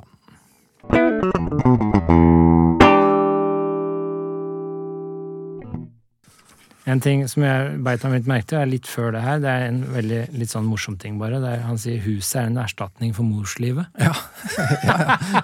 så vi bygde oss et hus bare for å ville tilbake til morslivet. Ja, Trekker det tilbake til dette infantile behovet. Bare, det er bare det vi søker. Holder på med det hele tida. og, alt er, og det er jo det. Alt er egentlig det samme. Da. Så kultur er egentlig bare et forsøk på å skape den, den ene tryggheten igjen, liksom. Ja. ja. Men en annen ting, definisjonen hans på kultur hang jeg meg litt opp i. På side 34 til 35 så definerer han begrepet kultur. Og ja. Da sier han vi får nøye oss med å gjenta at ordet kultur det betegner da følgende summen av de prestasjoner og ytelser som skiller vårt liv fra våre primitive forfedre, og som tjener to formål beskyttelse av menneskene overfor naturen og en regulering av forholdet mellom menneskene innbyrdes. Nettopp. Så kultur er egentlig eh, Det er liksom en sum av væremåter da, som mm. beskytter oss overfor naturen og regulerer forholdet oss imellom. Mm. Jeg regner med det er en slags beskyttelse oss imellom òg, da. Beskyttelse mot naturen og beskyttelse mot oss sjøl og hverandre. Så vi rotter oss sammen for å liksom få det bedre. Nettopp, og det er den der greia med at flertallet ehm, eh, pålegger den enkelte å holde seg i skinnet, da. Det er sånn man forstår kultur. Det er liksom den sammenkomsten for trygghetens skyld. Nettopp. Fordi det er jo andre forståelser av kultur, sånn som jeg liker veldig godt forståelsen av kultur fra Nietzsche, da, som er liksom at kultur det er en enhetlig stil hos et folk. Ja. Mm. Så det er liksom når du har samkjørt en stil hos et folk, så det kan f.eks. da være det, altså bare sånn småting som at ja, vi bruker bunad på 17. mai. Det er en mm. kultur, fordi det er en enhetlig stil hos mm. de som feirer 17. mai i norsk tradisjon. Og stil er da en måte å gjøre, kultur er da en ja, det, måte å gjøre dette her ja, på. Ja, så det er liksom alle mulige, det kan være liksom moter, det kan være væremåter, det kan være feiringer, det kan være mm. alt mulig rart. Mm. Og den bør ikke være geografisk lokalisert. Du kan ha eksempel jeg liker, er liksom sjakkulturen den er internasjonal. Mm. Men det er en enhetlig stil blant alle som spiller sjakk om hvordan du gjør visse ting. Mm, mm. Og det etablerer en sjakkultur. Ja, mm. og det er sånn Nisje forstår kultur, da. Ja, Mens Freud er mer her bare på den der at vi samles opp. Vi samler oss og presterer noe for å skape trygghet. Det er mer mm. hans forståelse av kultur. Ja, ikke sant? Så det er ikke så mye stilen. Det er mer liksom det behovet han definerer som det kulturelle her. Ordet mote betyr vel måte, gjør det ikke det? Så. Jo. Jeg tror det. Men, men, eh, Freud har en parallell til akkurat det du sier. Um, fordi at hans er da hans, hans, Det er faktisk riktig, jeg har ikke egentlig tenkt på det, men han sier ikke noe om så uttalt om hvordan kulturen liksom lager en enhetlig fasong på dette her. Som, men han sier hvordan kulturen preger hver enkelt av oss i vår måte. Altså vår karakterutvikling, da. I vår måte å eh, håndtere liksom våre tilbøyeligheter inn under den, det allmenne kravet, da. Mm. Som et eksempel så bruker han den anale karakter. Hvor er, Har du sittet? Ja, 42. 42. Eh, for det begynner med barnets analerotikk, da. Eh, barnet har den opprinnelige interesse for uttømmingsfunksjonen. Dens organer og produkter forandrer seg i løpet av oppveksten til en gruppe egenskaper vi kjenner som sparsomhet, sans for orden og renslighet. Dette er i og for seg verdifulle og velkomne egenskaper, men kan utvikle seg til en påfallende dominans og da resultere i det vi kaller analkarakteren. for da, unger er jo opptatt av bæsjing og bæsj. Og så um, i forskjellig grad, da. Og så formes den opptattheten på forskjellige måter, og kan også da, for vi pålegges jo eh, skam, for eksempel, da. For liksom, æsj, ikke hold på med det. Og så finner man måter å gjøre det på som er akseptable. Og noen finner da måter å gjøre det på som er symbolisering. Og her har vi det der med libido-forskyvning. ikke sant? At man gjør det til sparsomhet, sans for orden og renslighet. Det er bare en, eh, noe du gjør eh, for å liksom få utløp for det samme Eh, lystsøken da, som du hadde som barn ved å drite, da. Ikke sant? Ja. Eh, og det, det, han, han, er jo ja, Det er jo sånn kjent sak. Analkarakter, for eksempel. De, det er folk som jobber i bank, og som liker å samle og holde på ting. Ikke slippe ting fra seg. Og de har også ofte forstoppelse. Så veldig de som er veldig ordensmennesker? Ja. Overdreven renslighet er fordi ja. du egentlig er veldig glad i bæsj. det er jo fantastisk. Det er fantastisk. Ja, skal ta med meg. Ja, og så holder han på eh, hele tida. Jeg er jo ikke ordensmenneske, så det er et godt tegn, da. Men du er jo oralkarakter. Du er jo skravlebøtte, ikke sant? Du er henter, så, det jo... så, det er liksom tegnet Hvis du prater mye, så er det, ja, det er, Hva er jeg opptatt av da? Av eh, puppen. Av, ja, av å suge. For det er forskjellige steder i livet hvor du har blitt fiksert. da. Hvis, du har, hvis liksom du du Er det ikke mye kulere å være opptatt av puppen enn bæsjen? Kommer an på. Den, du som er oral karakter, vil nok mene det. Men, det er mye kulere. Fordi jeg får tilfredsstillelse um, gjennom eh, analkarakteren, da, det er unger som holder på med bæsjen sin, og sånn, og så får de kjeft, og så må de slutte med det og finne på noe annet. Ja. Og så blir det en fiksering, da, fordi at de får ikke lov til det, så de holder på med det. Blir overdrevet opptatt av det. Mens du derimot eh, had, har vel da blitt frustrert i din søken etter oral eh, tilfredsstillelse. Ja. Og derfor så har du blitt en skravlebøtte, da. Så jeg fikk ikke pupp når jeg ville? Kanskje ikke, eller kanskje du fikk for mye eller for lite. Ja, annen, eller ringer mutter'n og hører hvor mye pupp jeg fikk, ja, og hvordan. Det kan du gjøre. Ja. så, uh, og så er det noen som da blir genitale karakterer, da. Ja, Hva er det de jeg mangler, da? Eh, de har f.eks. drevet og onanert og holdt på og fått kjeft for det, og sånt, da, og så blir veldig veldig opptatt av liksom, forskjellige typer. Ja, det kan uh, bli uh, ja, sånn, sånne oppdagelsesreisende vitenskapsfolk, forskere. Som de har vært journalister? Ja. Ah. Nå husker ikke jeg dette skjemaet, for jeg er ikke liksom psykoanalytiker. men psykoanalytikeren er opptatt av dette, da, å finne ut liksom, hvor har du blitt fiksert, hva er, ja. ditt, hva er din hangup, liksom. men dette bør man jo kunne teste empirisk? Eh, det er jo Så det er bare å sjekke hvor mye pupp fikk jeg, hvordan? Ja, men også hvor nøyaktig svar får du på det. Det er jo samme som du kan teste empirisk denne tisse på ilden-hypotesen også. Det blir jo teori, det blir urhistorie. Det er ting som er forgangent og som er ja, men Du kan jo tenke at du følger et barn da, fra det er nyfødt, så følger du det, hvordan ja. det får bli servert og hva det er opptatt av, så sjekker du hvordan det blir når du blir voksen. Ja, men da må du jo ha longitudinelle ja, studier i 30-40 år. Ja. Det skjer jo ikke. Prinsipielt mulig, da. Ja, det er prinsipielt mulig, men jeg tror ikke det er så utbredt. Mens eh, ja, nei, så noen, eh, noen, av disse her eh, Det her er et veldig viktig punkt, det her, fordi det, vi er fortsatt på side 42, tror jeg. At noen drifter da forskyves gjennom sublimering og får et kulturelt nyttig uttrykk, som gjennom da vitenskap og kunst og sånn. Og det å liksom å gi avkall på driftens uttrykk, det er et kulturoffer. Ja. Og det kulturofferet, da, det er en veldig stor del av den menneskenes sosiale forhold og gir opphav til mange konflikter og sånn. Mm. Og hvis vi da skal forstå hvorfor vi gjør det, hva er opphavet til kulturofferet, så må vi forstå hva kultur er, hvordan det har oppstått, og hva som har bestemt dens retning, sier Freud da. Og det er liksom trygghetssøken? Det er veldig mye det. Og så er det jo da på en måte det er da disse her, Kulturen har jo oppstått i disse her ursituasjonene, med f.eks. det her med at Eh, far hersker uinnskrenka, sønnene slår seg sammen og dreper faren. Mm. Og så har de dårlig samvittighet for det i tusen generasjoner etterpå. Ja. Det er liksom sånne ting, og det er sånne urhistorier da, der Ødipus-komplekset Mm. kommer, ikke sant. Han sier, ja, for her sier han på side 40 så sier han dette er at den enkeltes makt erstattes med fellesskapet, er det Mm. avgjørende kulturelle steget. Nettopp.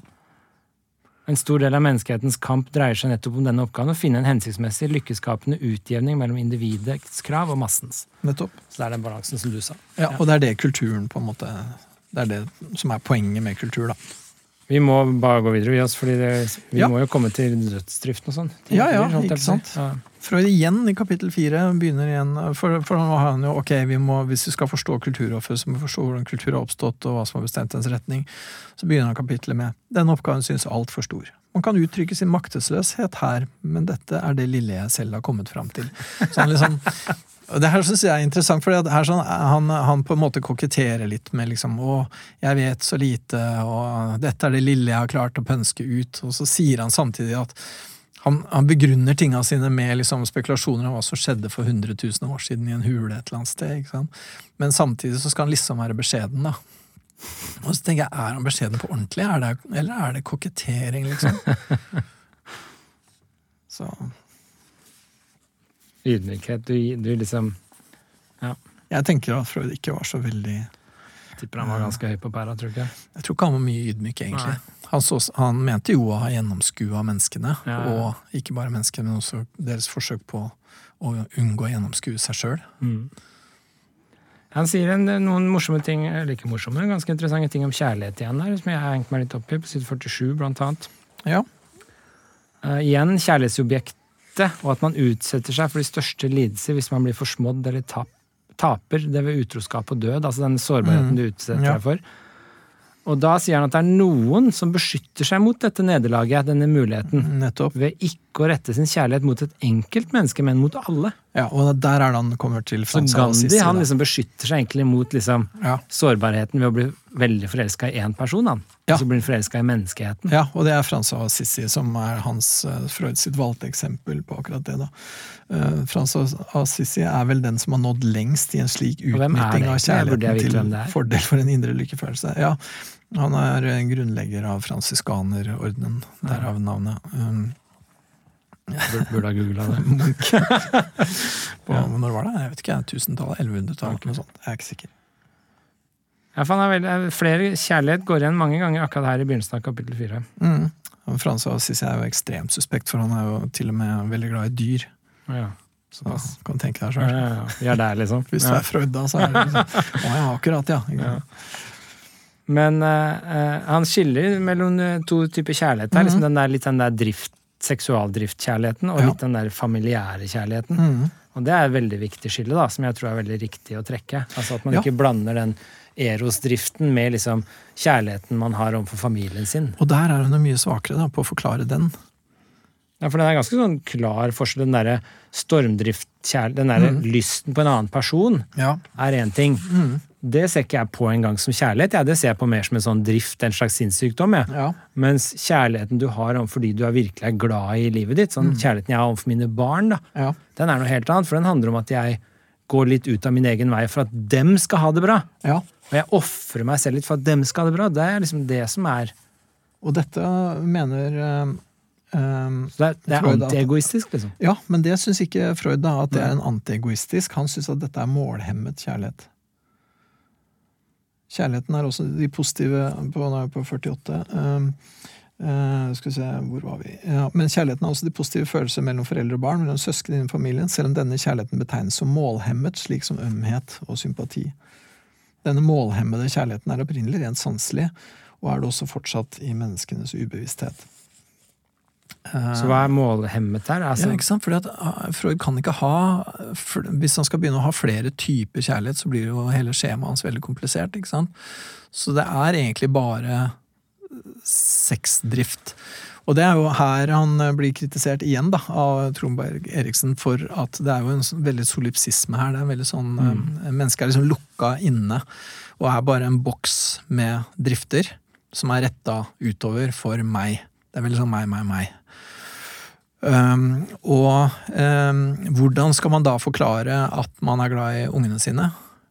Um, jo, nei, det må være på en måte noe at noe av den der lysten til å uh, ha sex eller å slåss, uh, den uh, blir målhemma. Den blir på en måte fordreid, da. Så det er en slags libidoforskyvning? Egentlig. Så jeg, egentlig vil jeg liksom bare pule, og så får jeg ikke ut alt det, og da forskyver jeg den energien over ja. på liksom å lage meg en familie. Ja.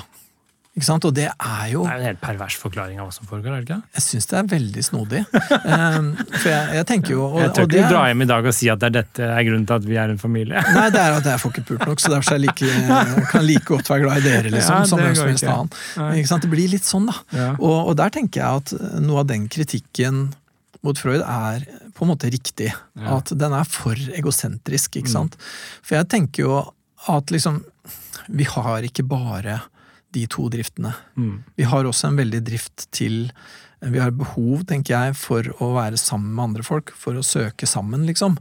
Eh, som ikke bare handler om om eh, libido og dødsdriften Thanatos. Da. Mm. Eh, jeg tenker det blir for snevert. Vi har en, en, annen type livsdrift. Og det er der jeg på en måte tenker ja. liksom at eh, de seinere liksom, eksistensialistene da, utvider jo dette eksistensialismen I eksistensialismen så er det jo også Eh, har du behov for fellesskap med andre folk, som også er et ikke-seksuelt og ikke Det er ikke et ønske om å verken uh, ligge med dem eller å drepe dem. Det er mm. bare det å ha noen folk, liksom. Det virker jo altså Jeg vet ikke, jeg. Jeg føler meg liksom ikke så opptatt av sex jeg, som Freud skal ha det til. jeg, liksom, jeg syns det er bare interessant å lese en roman eller skrive en bok. Jeg. Hvorfor kan ikke det bare være nok? Kan ikke det være faktisk interessant? Hvorfor må det liksom Nei, egentlig vil jeg bare jokke på noe, liksom. Ja, altså. men, men, det er jo nettopp, det ligger jo i denne naturalismen og ønsket om å være på en måte en vitenskap hvor du reduserer og det ligger jo I all vitenskap så ligger det reduksjonisme. Og du vil jo alltid redusere verden ned til færrest mulig antall forklarende faktorer, ikke sant. Og Freud har da øh, kommet ned med to pluss én. Liksom de to driftene og en ting som hemmer dem. Og det er et veldig fint skjema.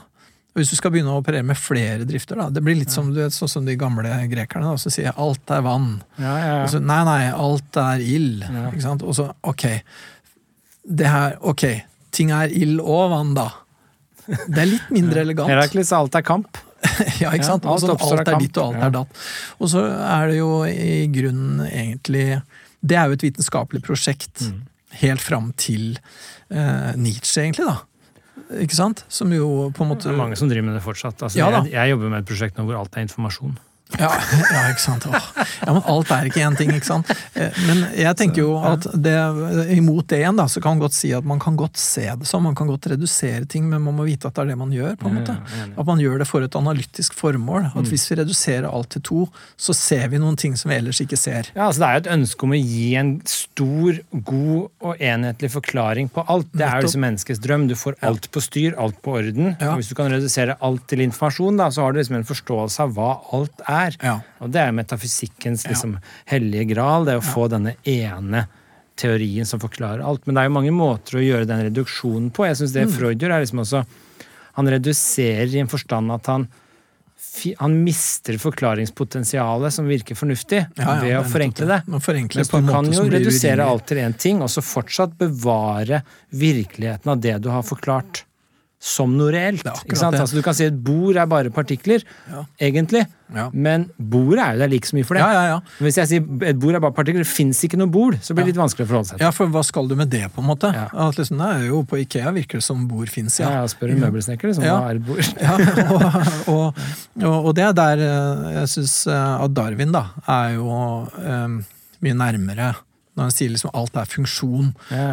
Ikke sant? Så, så, så er det på en måte det bevarer mye mer av fenomenene. Da. Det er det som er problemet med psykoanalysen, egentlig, sånn sett. At den, at den på en måte forenkler fenomenene til de mister mening. da, ja. på samme måte som Det blir litt carried away, liksom. Det er ja, inne på ja. noe kult, ikke sant? og så bare tar litt av. Ja, på, på, litt på samme måte som hvis du atomiserer et bord. da. Du kan godt gjøre det, men da mister du bordet underveis. liksom. Nei, det er stor debatt i filosofi og dette med altså, det å forklare noe i, i, kraft av noe annet, utenom å redusere det vekk. Nettopp. Ikke sant? Altså, det er det gir ofte en bedre forklaring enn når du forklarer noe annet ved å fjerne det du har forklart. Du forklarer ja. det bort, da, versus å forklare det bare. Ja, ikke sant. ikke sant. Men han sier, på side 48 sier Freud noe ganske noe litt sånn viktig her. Han sier på den ene siden motsetter kjærligheten seg kulturens interesse, for nå har han redusert kjærligheten ned til en drift. Ja. Så på den ene siden motsetter kjærligheten seg kulturens interesser, for den er jo på en måte å opprettholde ro, orden og trygghet og sånn. Og så kjærlighetens interesse er jo egentlig bare å få utløp ja. for seg selv. På den annen side truer kulturen kjærligheten med innskrenkninger. Ja. Ikke sant? Altså Kulturen er jo det å legge et lokk på det der frie flyten av driften din. Mm. Så det er litt sånn Ja. Uh, ja, ikke sant? Og kulturen skal binde oss sammen, sier han også på 48. da. Kulturen skal binde oss sammen i større fellesskap. Og, men familien også motsetter seg å gi slipp på sine medlemmer, da. Ikke sant? Sånn at det, man lager et problem der. Um, um, uh, sånn at det å forlate familien det må jo de unge gjøre på en eller annen måte. ikke sant? Ja. Og da må det markeres med Vi har lagd ritualer for å overkomme det dilemmaet der. da, At Mm. man skal på en måte kunne forlate fellesskapet uten å forlate det. Mm. Sånn som når du er konfirmasjon eller ved ekteskap. da. Eh, liksom På en måte forlate familien, men ikke egentlig. Her på slutten av kapitlet er det et par ting som bare vi må ta opp, som er veldig gøy.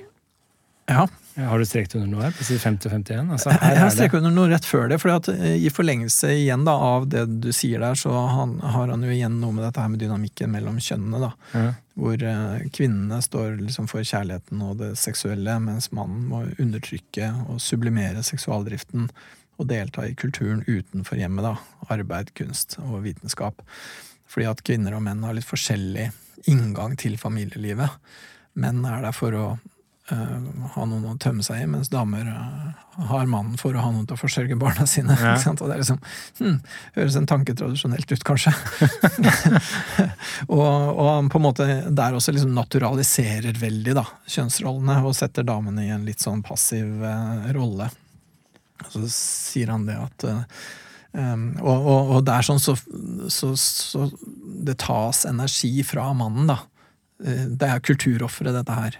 Ja. Eh, Det lokket ja, for nå om. begynner kulturen å stramme grepet her. Ja, og så Ja. sier han at eh, dette stadige samværet med menn, avhengigheten av forholdet til dem, fjerner han fra oppgaven som ektemann og far. Slik kan kvinnen oppleve å bli trengt i bakgrunnen takket være de kulturelle krav, som igjen kan føre til en motvillig holdning til disse. Så det er jo en klassiker, da, at mannen vil eh, ut og henge med gutta og drive med kunst og vitenskap, mens damene vil at han skal være mer hjemme. Mm. Der får du en konflikt. Så har vi på en måte en eh, sånn urtids- og naturforklaring på det også. Hva er det? Ikke sant? Sånn at det er liksom Han naturaliserer alt, da. Ikke Ja, ja. sant? At ja. Men så når jeg sitter og jobber på kontoret litt for lenge, så er det liksom Det er egentlig her det kommer fra. Og, og derfor, ja, og det er jo igjen en sånn Der blir jo Freud på en måte konserverende, da. Ja. For han sier ja, Det er ikke det at liksom Ja, ok, så burde vi vel kanskje begynne å se litt på disse kjønnsrollene, da. Ja. Nei, han vil heller si nei, nei, dette her er fra urtiden. Og Ja, sånn er sånn det. Det er naturlig. Sånn når du sitter der, så kan du egentlig bare Når kona di ringer og lurer på om du kommer hjem snart, så kan du si nei, jeg følger bare min natur, jeg. Ja, ja. Jeg kan ikke gjøre noe med det. Men dette er jo problemet med liksom på den ene siden å beskrive hvor det kommer fra, hvordan det er, versus å prøve å gjøre noe med hvordan det bør være. Ja, ja. Det er ganske stor forskjell på de to. det er ikke så ambisiøst når det gjelder å forandre Men det er et par ting her som liksom er litt sånn blanding av hårreisende og morsomme. da. Ja. Nederst på side 49 så sier han allerede den første kulturfase, totemismen, forbød incest i valget av seksualobjekt. Kanskje den mest gjennomgripende lemlesting av det menneskelige kjærlighetsliv gjennom tidene. ja. Så Ja, det er det liksom, der, det er en det lemlesting når du forbød incest, fordi det på en måte legger et lokk på den seksualdriften som bare han mener instinktivt bare foregår. da. Ja, ja. Det, ja, ikke sant? Det, Det var liksom en tidlig sånn lemlesting av, kulturell lemlesting av liksom kjærlighetslivet. Ja, så litt det var... være- Og så snakker han mer om det blir mer og mer sånn, litt sånn tradisjonelt. Altså, øh, det legger liksom Kulturen begynner å legge forbud på oss, ikke sant? på utløp for seksualdriften. Og så sier han i forbudet ligger krav om et likt seksualliv for alle, uten hensyn til forskjell i medfødt eller ervervet seksualkonstitusjon. Og dette hindrer mange mennesker i deres seksualnytelse, og årsaken til stor urettferdighet. Og dette er jo paralleller i dag på liksom tradisjonelle familieroller, Ja, hvor akseptabelt det er med homofilt samliv, hvor, Ja. hvordan du skal forholde deg til pedofile, til eh, alle mulige rare seksuale avvik. For det er jo to Ja, ja, Freud var jo en Så han, tidlig han mener at dette er, liksom, dette er urettferdig og frustrerende. Og han var jo en tidlig forkjemper for både homofiles eh, rett til å utfolde seksualiteten sin, og kvinners rett sånn at han var jo sånn sett en slags sånn seksualpioner. Ja, ja. eh, på det Han sier litt lenger ned dagens kultur kjenner klart at den kun tillater seksuelle forhold på betingelse av at mannen for alltid blir hos kvinnen. Mm. Og at den ikke At den ikke aksepterer seksualitet som en selvstendig lystkilde, men kun som en kilde til formering. Ja. Så her er det kulturen begynner å legge lokk på oss. Kulturmenneskets seksualliv er i høy grad i dag blitt skadelidende. Mm. Det er litt morsomt, da. Ja, ja. Kulturmenneskene er skadelidende når det gjelder sex. Ja. Artig å tenke på metoo-skandalen i Kultur-Norge.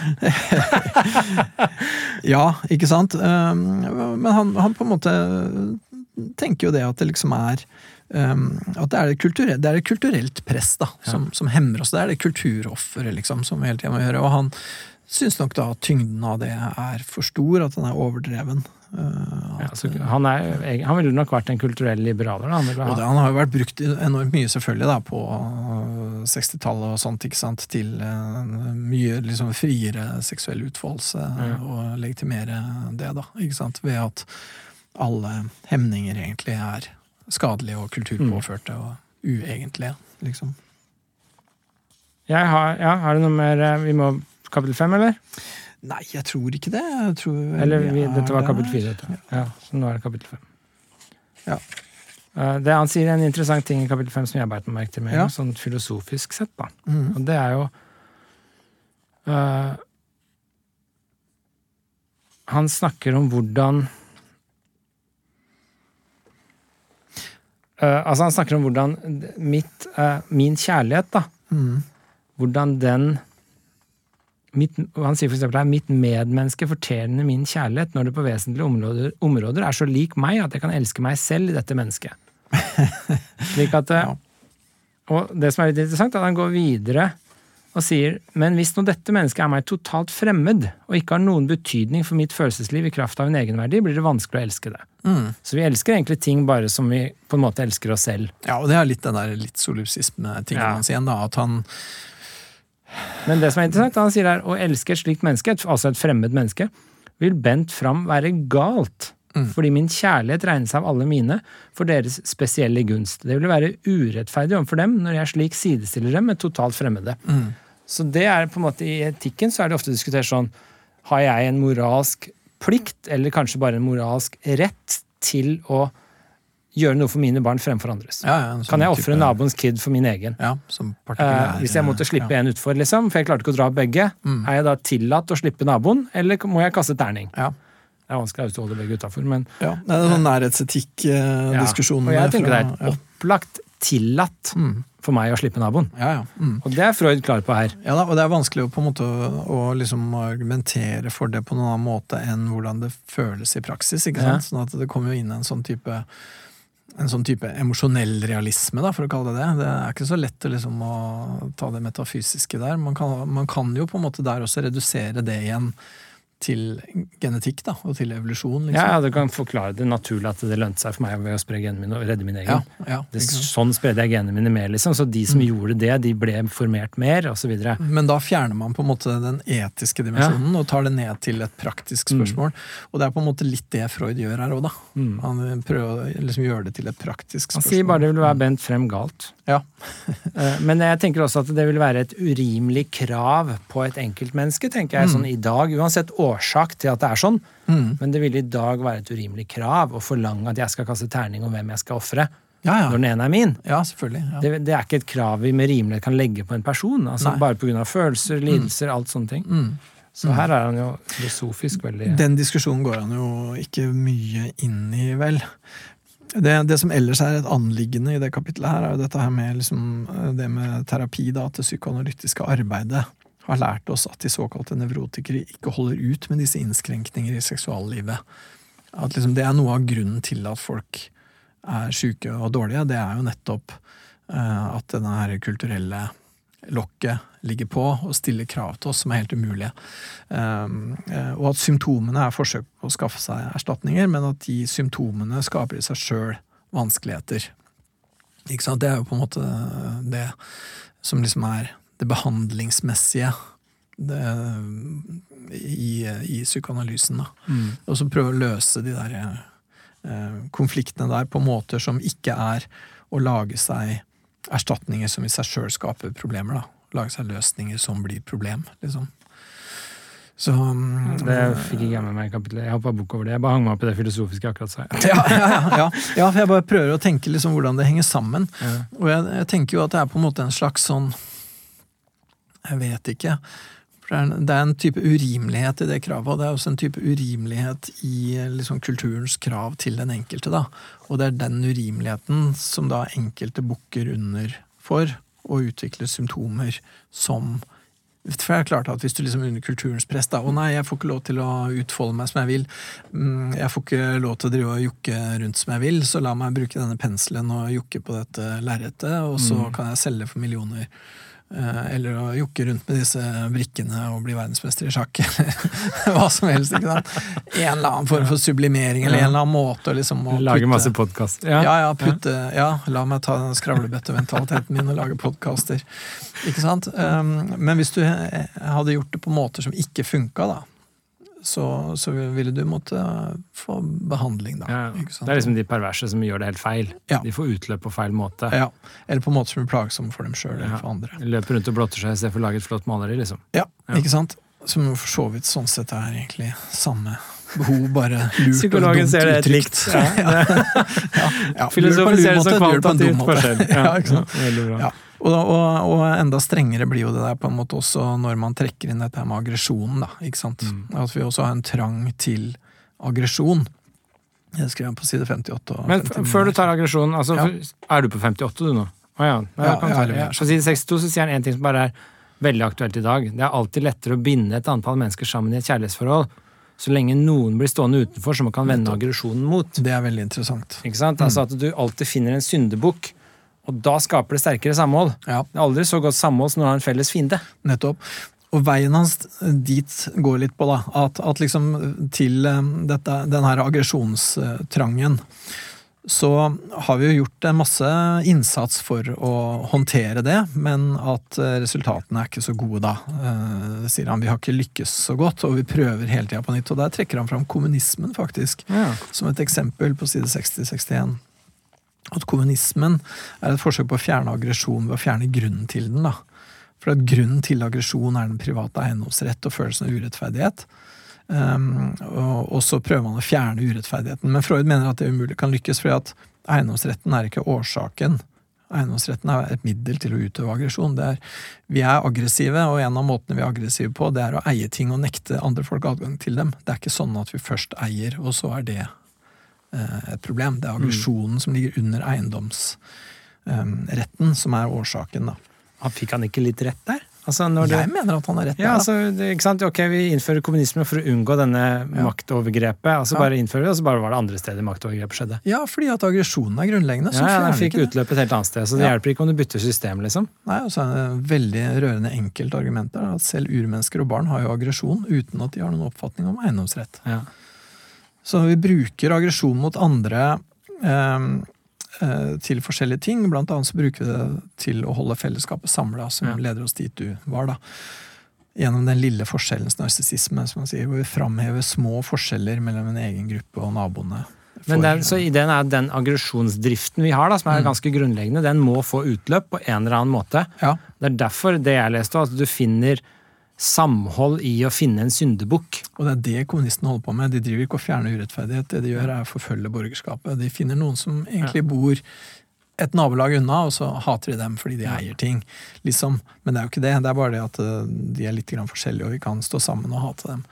Og eh, selvfølgelig tar Freud også fram jødene, da. ikke sant? Antisemittisme var jo på oppsving på denne tida, og tenker nok at jødene har fungert som en slags sånn lynavleder da, for mye aggresjon mange steder opp igjennom i Europa. Gjennom Han måtte jo selv flykte Til slutt fra Tyskland. Og så sier han også, da, fordi at ok, kommunistene, da, hvis de klarer å nedkjempe borgerskapet, så blir de jo ikke noe gladere av det. Så han skriver på, fordi at det er ikke det som er det grunnleggende problemet. Så han skriver på 63, da. Man spør seg bare litt bekymret hva Mons Sovjet vil ta seg til etter at borgerskapet er utryddet. De vil jo bare finne noen andre å utrydde. Ja, ja. Det var jo det som skjedde. Ja, egentlig. Det ser vi ikke i dag òg. Vi finner liksom syndebukker. Nå er det liksom antivaksinerne som får skylda for alt som er vondt her i verden Ja, ja. i disse dager. Mm, Og så går det over, så er det noen andre. Ja da. Og så en periode så er det liksom Ja, nei, nå er det innvandrerne, og så ja. er det liksom Nå er det antivaksinerne, og så plutselig er det noen Ja da. Det er veldig- det er alltid noen folkekunnskap der, er det ikke? Jo, jeg tror egentlig det. Men jeg tror at han har rett, da. For jeg tror at det er på en måte ikke saken, det er aggresjonen. Det er liksom ønsket, eller behovet, da. Eh, som, ja, Raga Ja, jeg tenkte akkurat på det. Ja, ja, ja. Michael Krohn synger der, han. Er det ikke deilig å ha noen hate? Jo, det er det. Ja. Og det, Er det ikke deilig å slå dem flate? Ja. ja, så han på en måte Ja, han gjør Freuds ord til sine der, nærmest. Ja, så han sier, I kapittel sju er veldig, Seks er veldig kort, for der sier han bare det du sa nå, egentlig. Inntil videre antar jeg det ståsted at aggresjonslysten er et opprinnelig selvstendig driftsanlegg hos mennesket. Mm. Menneskets naturlige aggresjonsdrift, dens e- den enes fiendskap mot alle og alles mot den ene, motsetter seg imidlertid kulturens program. Mm. Mm. Så vi på en måte vi Og så utvikler han mer, egentlig, da. For nå har han jo snakka mye om liksom, sexdrift og eros og sånn, og så dreier det seg nå mer og mer over mot dødsdriften. Ja. Thanatos aggresjon. Um, at um, og, og fordi at noe av det han skal fram til um, etter hvert her, er jo dette her med at hva er det som Hva er kulturens tak på oss, da? Mm. Hvorfor har kulturen et så kraftig tak på oss? Og det er fordi at vi, når vi ikke får utløp for den her eh, aggresjonen, så må den rettes et eller annet sted. Og vi har jo allerede en kamp med oss sjøl som handler om å holde seksualdriften nede. Så vi putter aggresjonen inn i vår egen libido-økonomi, da. Og vender aggresjonen mot oss sjøl, ikke sant. Og vi, vi er fordi vi ikke kan hate alle andre, så hater vi oss sjøl for våre egne tilkortkommenheter og pålegger oss sjøl dårlig samvittighet. Ja. Og sånn holder vi oss sjøl i øra, da. Og derfor så er det også sånn at jo dydigere folk er, jo eh, strengere er de med seg sjøl også. Ja. At de som fordømmer seg sjøl hardest, det er de snilleste. Mm. Eh, fordi at de bruker eh, De får jo da det blir liksom enda mer, De er enda mer aggresjonshemma. Mm. Og den aggresjonen må jo puttes til, og den putter inn mot dem sjøl, da. Så nå kommer vi inn på liksom det der siste svingen i boka her, som er liksom dette skyldfølelsen og overjeget og dødsdriften. Nettopp.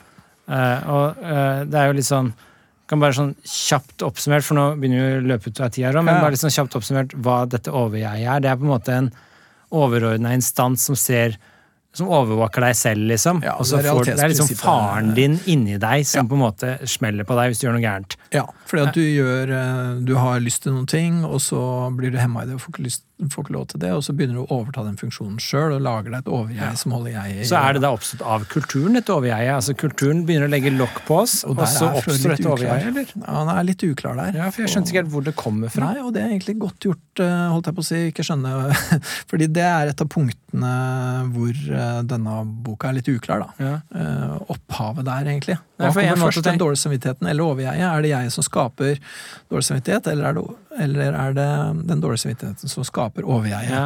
Så Tromberg Eriksen eh, henger seg jo på den, selvfølgelig, da, Ja. og ser at her er det en uklarhet. Nei, for det jeg tenkte når jeg leste, så la jeg merke til dette her, og så tenkte jeg liksom en naturlig måte å tenke på det, er jo at eh, overjeget er en slags Det er noe som oppstår i takt med kulturen, ikke sant? Slik at jo mer kulturen utvikler seg og legger lokk på oss, jo sterkere overjeg får vi. Ja. Fordi vi må tilpasse oss kulturen. Ja. Og da får vi denne kontrollmekanismen som er et overjeg som ser ned på mitt underjeg, så å si. Og så når jeg får lyst til noe, så sier overjeget nei, og så pisker det meg til å ikke gjøre det. Nettopp. Da legger jeg lokk på meg, sånn at jeg passer inn i en kultur. Så jeg vil jo tro det naturlige er at overjeget utvikler seg i tandem med kulturen. Jeg tenker jo egentlig også det. eh, Og at, At det ikke er noe sånn ene høna og egget kom først. Det kom liksom, det Ja. seg parallelt. Ja, ja, og, og på en måte kanskje også for Her sånn så er det jo kobla til en instanslære og en driftslære Ja. som egentlig er litt smal, og som her viser en, kanskje en slags svakhet. At dette går ikke helt opp, da. Nei. Eh, Det går mer opp hvis du begynner å tenke at mennesket har andre behov. Ja. Som hvis man tenker at mennesket har ikke bare disse behova, men har også rent sosiale behov. da. Mm. Og så tenker du at liksom, ok, livet er en forhandling mellom meg og andre om hva som er mulig å få til. Og hvis jeg skal forhandle med andre, så må jeg ha en forståelse, jeg må ha en mental representasjon da, av dem. Jeg må ha en slags mentaliseringsevne, jeg må klare å forstå hvordan andre folk tenker og føler.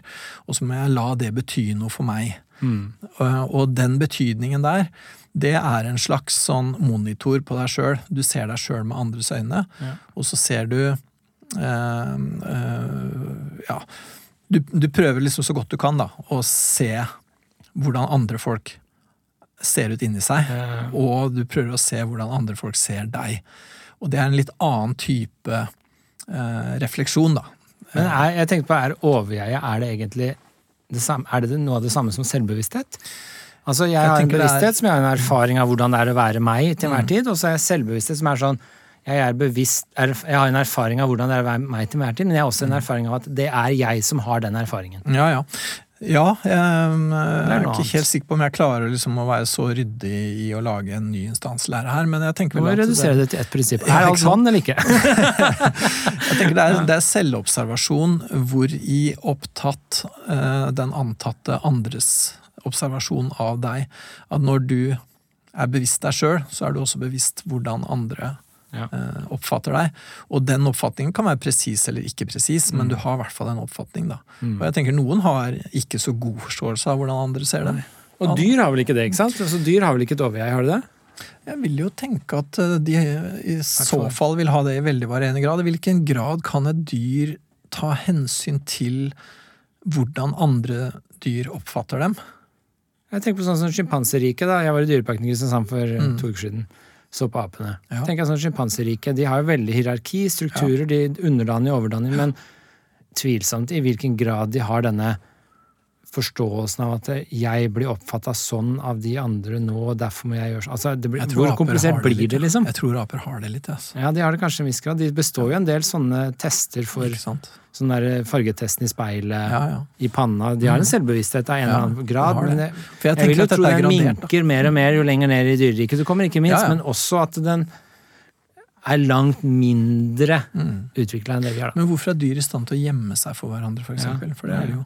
Hvis du skal gjemme deg, så må du jo ha en eller annen oppfatning om at nå ser de meg, nå ser de meg ikke. Ja, ja. Og det er noen sånne sjimpanseeksperimenter hvor de har eh, gjemt maten for de andre Mm. for å få den sjøl senere. ikke sant? Altså Det er en del sånn kompliserte strukturer som spilles ut, men jeg tenker sånn Det kommer jo veldig an på hvor stor grad Hvor mye vi legger i dette overjeget, da. Fordi jeg legger veldig mye i selvbevisstheten, for eksempel. Altså jeg legger veldig mye i det at vi klarer å begrepsliggjøre Mm. og holde på Mm.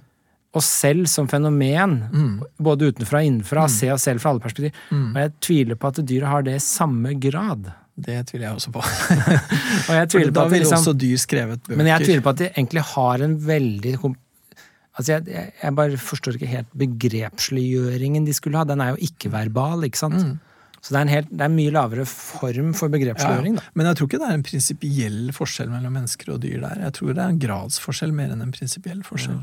Tror jeg, men jeg jeg vet ikke. Nei, jeg tror vel kanskje det, men jeg håper at det er en prinsipiell forskjell. Ja. Jeg vet ikke. ja.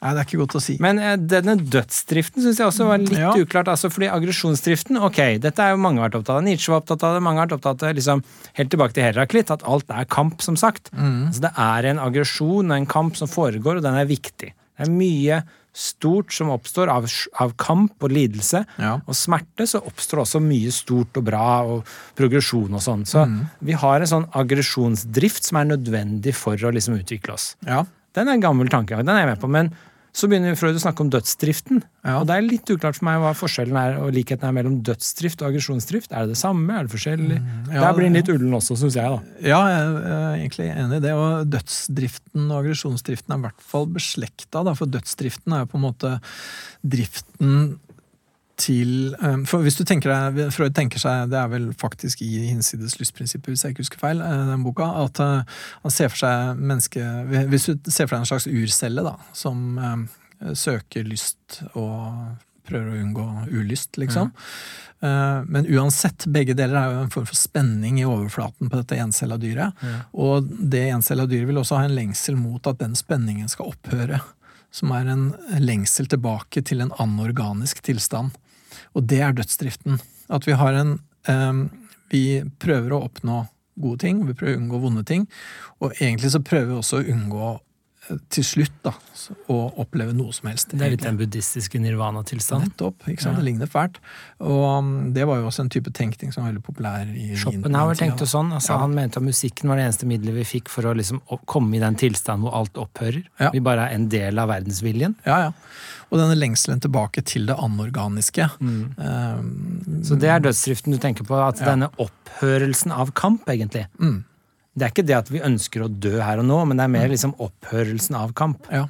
Men da er aggresjonsdrift noe litt annet, da. Det er noe litt annet, for det er jo på en måte en mer utadvendt drift. På samme, litt på samme måte som Eros, eh, bare at det er aggresjon. Så vi er bare aggressive av natur. Eh, og det kan bare forklare at det har utvikla seg sånn, for ellers de, de, som ikke var, fantes aggressive, de døde ut. Ja, nettopp. Og det sier han jo også. Så de sinteste vinner, liksom de som roper høyest, de blir hørt? Ikke de som roper aller høyest, for de får alle de andre mot seg. Ja, det er sant. Så du må på en måte rope akkurat passe. Du må ikke la deg overkjøre, og du må ikke prøve å overkjøre andre. Du må finne den balansen. Og den jobben med å finne balansen, det er jo kulturkampen, og det er slitsomt. Det var akkurat det Ole Martin og jeg snakka om i Håvamål. altså Den der ja. sindigheten og måteholdet. Ja, som er den i alle kulturer. Klok, ja. Det er i alle kulturer. Det er ingen kulturer som sier at det optimale er å utfolde seg vi totalt. vi snakka om at det er en universell greie, det der. Altså mm. Den gylne middelvei som Aristoteles snakka om. det å finne den middelveien som ja. ikke er ekstrem i noen retning. Ja, og dette er Freud sin variant av den. da. Ja. Og Han sier det at uh, kulturens oppgave er å holde også aggresjonen under kontroll. da, mm. For å binde menneskene sammen i kjærlighet. ikke sant? Ja. Men menneskets naturlige aggresjonsdrift Nå er på side 70. Uh, menneskets naturlige aggresjonsdrift, den enes fiendskap mot alle, og alles mot den ene, motsetter seg imidlertid dette kulturens program. Denne aggresjonen er dødsdriftens avkom, og hovedrepresentant, den dødsdriften vi har funnet ved siden av Eros, og som Eros må dele verdens herredømme med. Vi har de to kreftene i oss. Ja.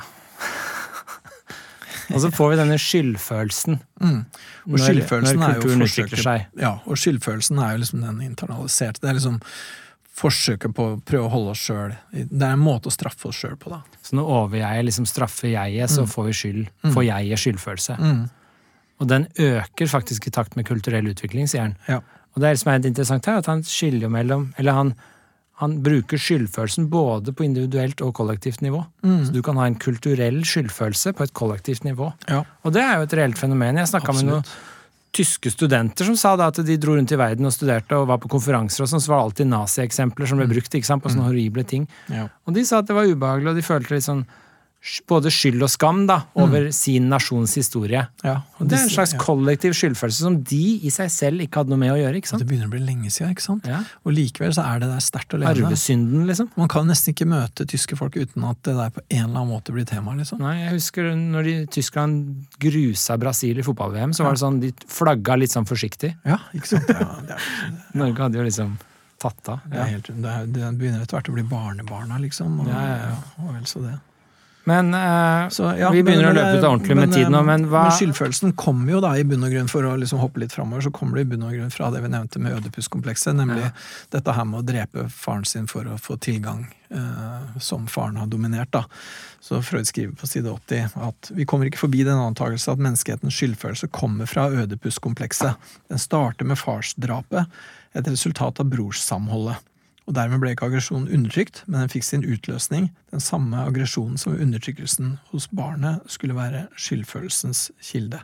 Så det er på en måte det at sønnene rotter seg sammen mot faren, som undertrykker dem, dreper han, men de elsker han jo også. Ja. Og det er den dobbeltheten. da, At man har både lyst til å drepe ham fordi han står i veien for utfoldelsen, men man er også veldig glad i denne faren. Og dermed så oppstår skyldfølelsen over å ha drept den du elska. Mm.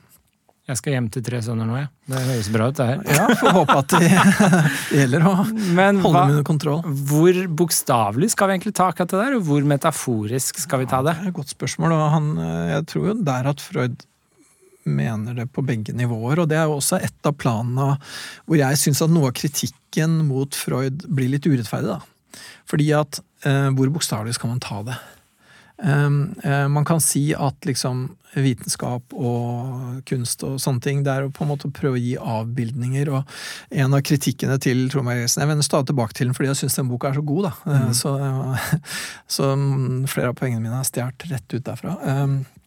At liksom eh, Freud eh, i sin naturalisme og i sin fors sitt forsøk på å være vitenskap, så gjør han rent bord og fjerner alle andre fortolkninger av livet, ja. sånn som i kunst og religion og sånne ting, som også er fortolkninger av livet. Og jeg syns den kritikken er litt streng fordi at også psykoanalysen er en fortolkning av livet. Eh, og det kan godt hende at Freud mente det veldig bokstavelig. Kan godt hende at han mente at det faktisk en gang i tida fantes noen som tissa på bålet, og noen som mhm. klarte å la være, og dermed grunnla kulturen. Eller det kan hende at han bare bruker det som et bilde. Ja. Og at, han, eh, at, det er på en måte Ja, sånn kan vi tenke, sånn kan vi forstå det. Det er ikke det at det er sånn bokstavelig. Og så ja. tenker jeg jo for hver enkelt av oss òg. Sånn som uh, du og jeg, så vidt jeg vet, ingen av oss har uh, drept faren vår, liksom. Mm. Eh, for å få tilgang til mora. Liksom, det er ikke helt sånn. Mm. Men den følelsen da, gir jo en gjenklang likevel, ikke sant? Og um, at liksom den aggresjonen mot noen du også er glad i, mm. den følelsen av å leve på andres bekostning, den liksom narsissismen i liksom eh, viljen til å overkjøre andre for å få det som man vil, og så føle dårlig samvittighet for det. Ja, det er den evige kampen mellom de gode og de onde kreftene, ikke sant? Ikke sant? Og du kan på en måte godt portrettere det på denne måten. Og hvis man da vil dra det Nei, det er ikke sånn, det er ikke sånn, det er ikke sånn, så, så kommer man ingen vei, på en måte. da. Så, det er liksom en virksomhetsforklaringsmodell i vitenskapelig tenkning og filosofisk tenkning og alt. Altså, du, må du, må, ha, du må gi det litt rom. Ja, du må ha en modell som på en måte forklarer det, og så er det alltid spørsmål liksom hvor godt den forklarer, versus hvor, godt, hvor bokstavelig den skal tas. Og så må du ikke glemme at det er en modell. Og hvis man glemmer at det er en modell, da, så blir man sånn som jeg sjøl i forhold til det, med ateismegreiene som var litt der vi begynte.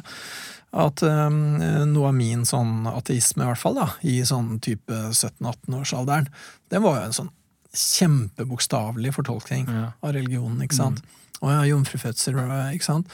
Og det er, noe, det er, jo på en måte ikke noe stor intellektuell prestasjon å avvise jomfrufødsel, egentlig. det som ville vært en større intellektuell prestasjon, er å prøve å skjønne hva det er.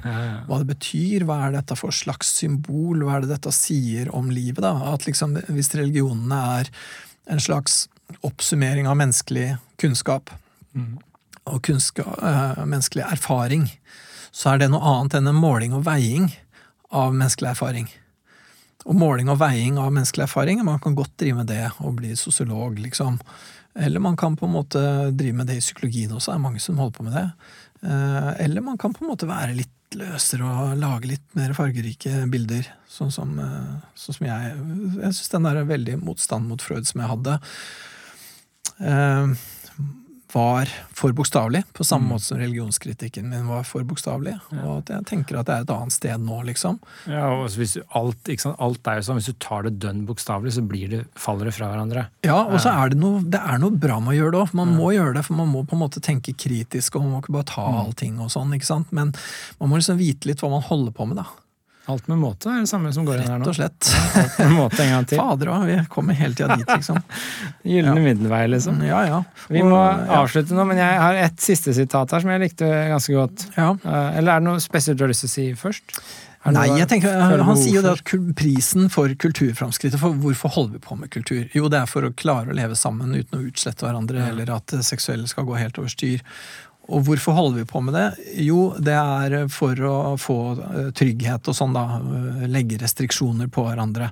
Så han sier da på 85, starten av siste kapittel, kapittel 8, prisen for kulturframskrittet er en økning av skyldfølelsen. Ikke sant? Og så sier han også der i en av sine sluttnoter, da, jeg syns notene hans er veldig morsomme, at eh, man innbiller ungdommen at det er mulig å være lykkelig hvis de bare oppfører seg sånn at de ikke trenger å føle dårlig samvittighet og at de fleste andre klarer det.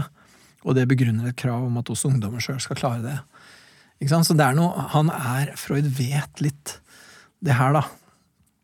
At, eh, at liksom Man burde egentlig ikke innbille ungdommen at det går an å være lykkelig, og at hvis du ikke er lykkelig, så er det din egen feil, alle mm. andre klarer det. liksom. Man burde egentlig fortelle ungdommen da, litt som jeg liker å si, at det går ikke an å være lykkelig. det er hele tida kompromisser, og det er hele tida smerte, og det er vanskelig. Og jeg tror det er noe av det sanneste av alt Freud sier, er det der at, at lykkeprosjektet er umulig. Det er for vanskelig. Det eneste vi kan få til, er å ha sånn noenlunde gangbare eh, kompromisser, fordi at alt er en forhandling med verden, og du sjøl er liten og verden er stor, liksom. Ja, men i den boka jeg skrev 'Meninga med livet', så hadde jeg en setning hvor jeg sier 'lykken er for grisen'. altså ja. Det er oppskutt. Jeg mener lykke er oppskutt. Ja. Altså, det er ofte mening vi søker fremfor lykke, og det kan være like så bra å få, gjøre noe meningsfullt som å være lykkelig. Altså Lykke er litt sånn et veldig sånn umulig prosjekt. Ja. Uh, mens og det tror jeg er litt sånn her, men det jeg tenker på, mitt sånn ankepunkt mot Freud sitt prosjekt her, er kanskje også at det, han ser ut til å si liksom ja, lykken er umulig, og alt skal liksom bare være denne konflikten mellom eh, sexdriften og, og mm. dødsdriften, liksom, og kulturbyggingen på toppen. Men ja. Det er jo for eksempel masse Jeg tenker sånn, er det ikke noe sånn storhet vi bare gjør i kulturen? Altså vi lager svære, flotte byggverk og kunstverk mm. og, og, gjør vitenskap, og det er noe sånn storhet over det vi driver med, som bare er stort fordi det er så fantastisk gjort. Mm. Det er bare så bra. Ja. Altså, altså, og jeg okay. vil jo gjerne legge uh, Hvor mye utløp er det? Grunnes det i seksuell frustrasjon? Mm. Kanskje ikke det er så interessant. Altså, mm. Kanskje det er mer interessant bare Shit, se hva han lagde. Ja, ja. ja, ja. Og jeg tenker ja. jo at psykoanalysen er en del av den haugen av uh, enorme prestasjoner da, ja. som, uh, som, vi har gjort. Så kan, måte, man kan godt plukke det fra hverandre. Og det er meningsfullt, da, uten at det behøver å gjøre oss så jævla lykkelig. Ja, ja, ja, og også uten at det nødvendigvis er helt sant og helt riktig. og sånn. Jeg tenker dette her, jeg har stor glede av denne boka, 'Ubehaget kulturen', uansett hvordan man kan plukke den fra den. Fordi jeg syns det er så mye klokt der, da. Ja. Midt oppi alt det rare. Og så ikke minst er den ganske morsom. Så jeg anbefaler gjerne den til folk som Hvis man ikke har lest noe Freud, har lyst til å lese ja, Den er ganske en. lettlest. Ja, og så er den tynn. Og så ja, er den morsom. Og så er det jo det er jo tiss og bæsj og puling, liksom. jeg må bare lese et sitat her fra siden 95 som jeg likte veldig godt. Så ja. avslutter med det. Jeg har egentlig lyst til å avslutte etter det. Ja, du kan få avslutte etter det, siden du er gjest. da. Budet 'elsk de neste som deg selv' er den sterkeste tilbakevisning av den menneskelige aggresjon, og et utmerket eksempel på kulturoverjegets upsykologiske fremferd. Mm. Han har ikke noe særlig sans for det. det er eldst de neste som deg selv. Nei, han har ikke tro på det. Han tenker at det er altfor strengt. Det går ikke an. Det lar seg ikke gjøre. Nei, Det er jeg helt enig i. Det er ikke mulig å legge like mye kjærlighet til en i den andre siden av kloden du ikke kjenner, som i dine nærmeste. Nei, nei. Helt umulig. Det er psykologisk urealistisk. Nå er jeg spent på din avslutning. Ja, og det han sier om det, da, at liksom det eneste du kan oppnå med en sånn type etikk, det er, å, eh, det er den narsissistiske tilfredsstillelsen som består i å holde seg for bedre enn alle andre. ja. Selvgode jævler, altså de der altruistene. Ja, jeg, har lyst til å lese, lyst til å lese avslutningen, den siste biten av boka. Ja. Plottspoiler vi fælt her, men likevel. Spørsmålet om menneskeslektens skjebne synes for meg å være knyttet til i hvilken grad det skal lykkes kulturutviklingen å bli herre over den menneskelige aggresjons- og ødeleggelsesdrift. Nå skal vi huske at han skriver i 1929, rett, før, rett før Hitlers maktovertagelse. Um, I dag behersker menneskene naturkreftene i den grad at de med deres hjelp er i stand til å ødelegge hverandre til sistemann. Dagens mennesker vet dette, derav kommer deres angst, uro og ulykke. Så skulle man også vente at den andre av de to himmelske makter, den evige Eros, skulle gjøre sitt for å hevde seg i kampen mot sin like så udødelige motstander. Men hvem kan forutsi utfallet? Vakkert. Bedre blir det ikke. For, ja. Og det er Profetisk. Ja, og man fryser litt på ryggen når man tenker ja. at dette er skrevet rett før Hitler. Ja. Heldigvis slapp Freud å oppleve andre verdenskrig. 29 var det da boka kom. Fire år før Hitler tok mm. makta. Veldig hyggelig å ha deg, Peder. Veldig hyggelig å være her. Vi kjører en episode til om en annen Freud-bok. gjør vi ikke det en gang? Veldig gjerne, og, og, egentlig nesten hvilke som helst av dem. altså. Vi får finne ut av hvilke vi tar. Ja. Kult. Veldig kult. Takk. Música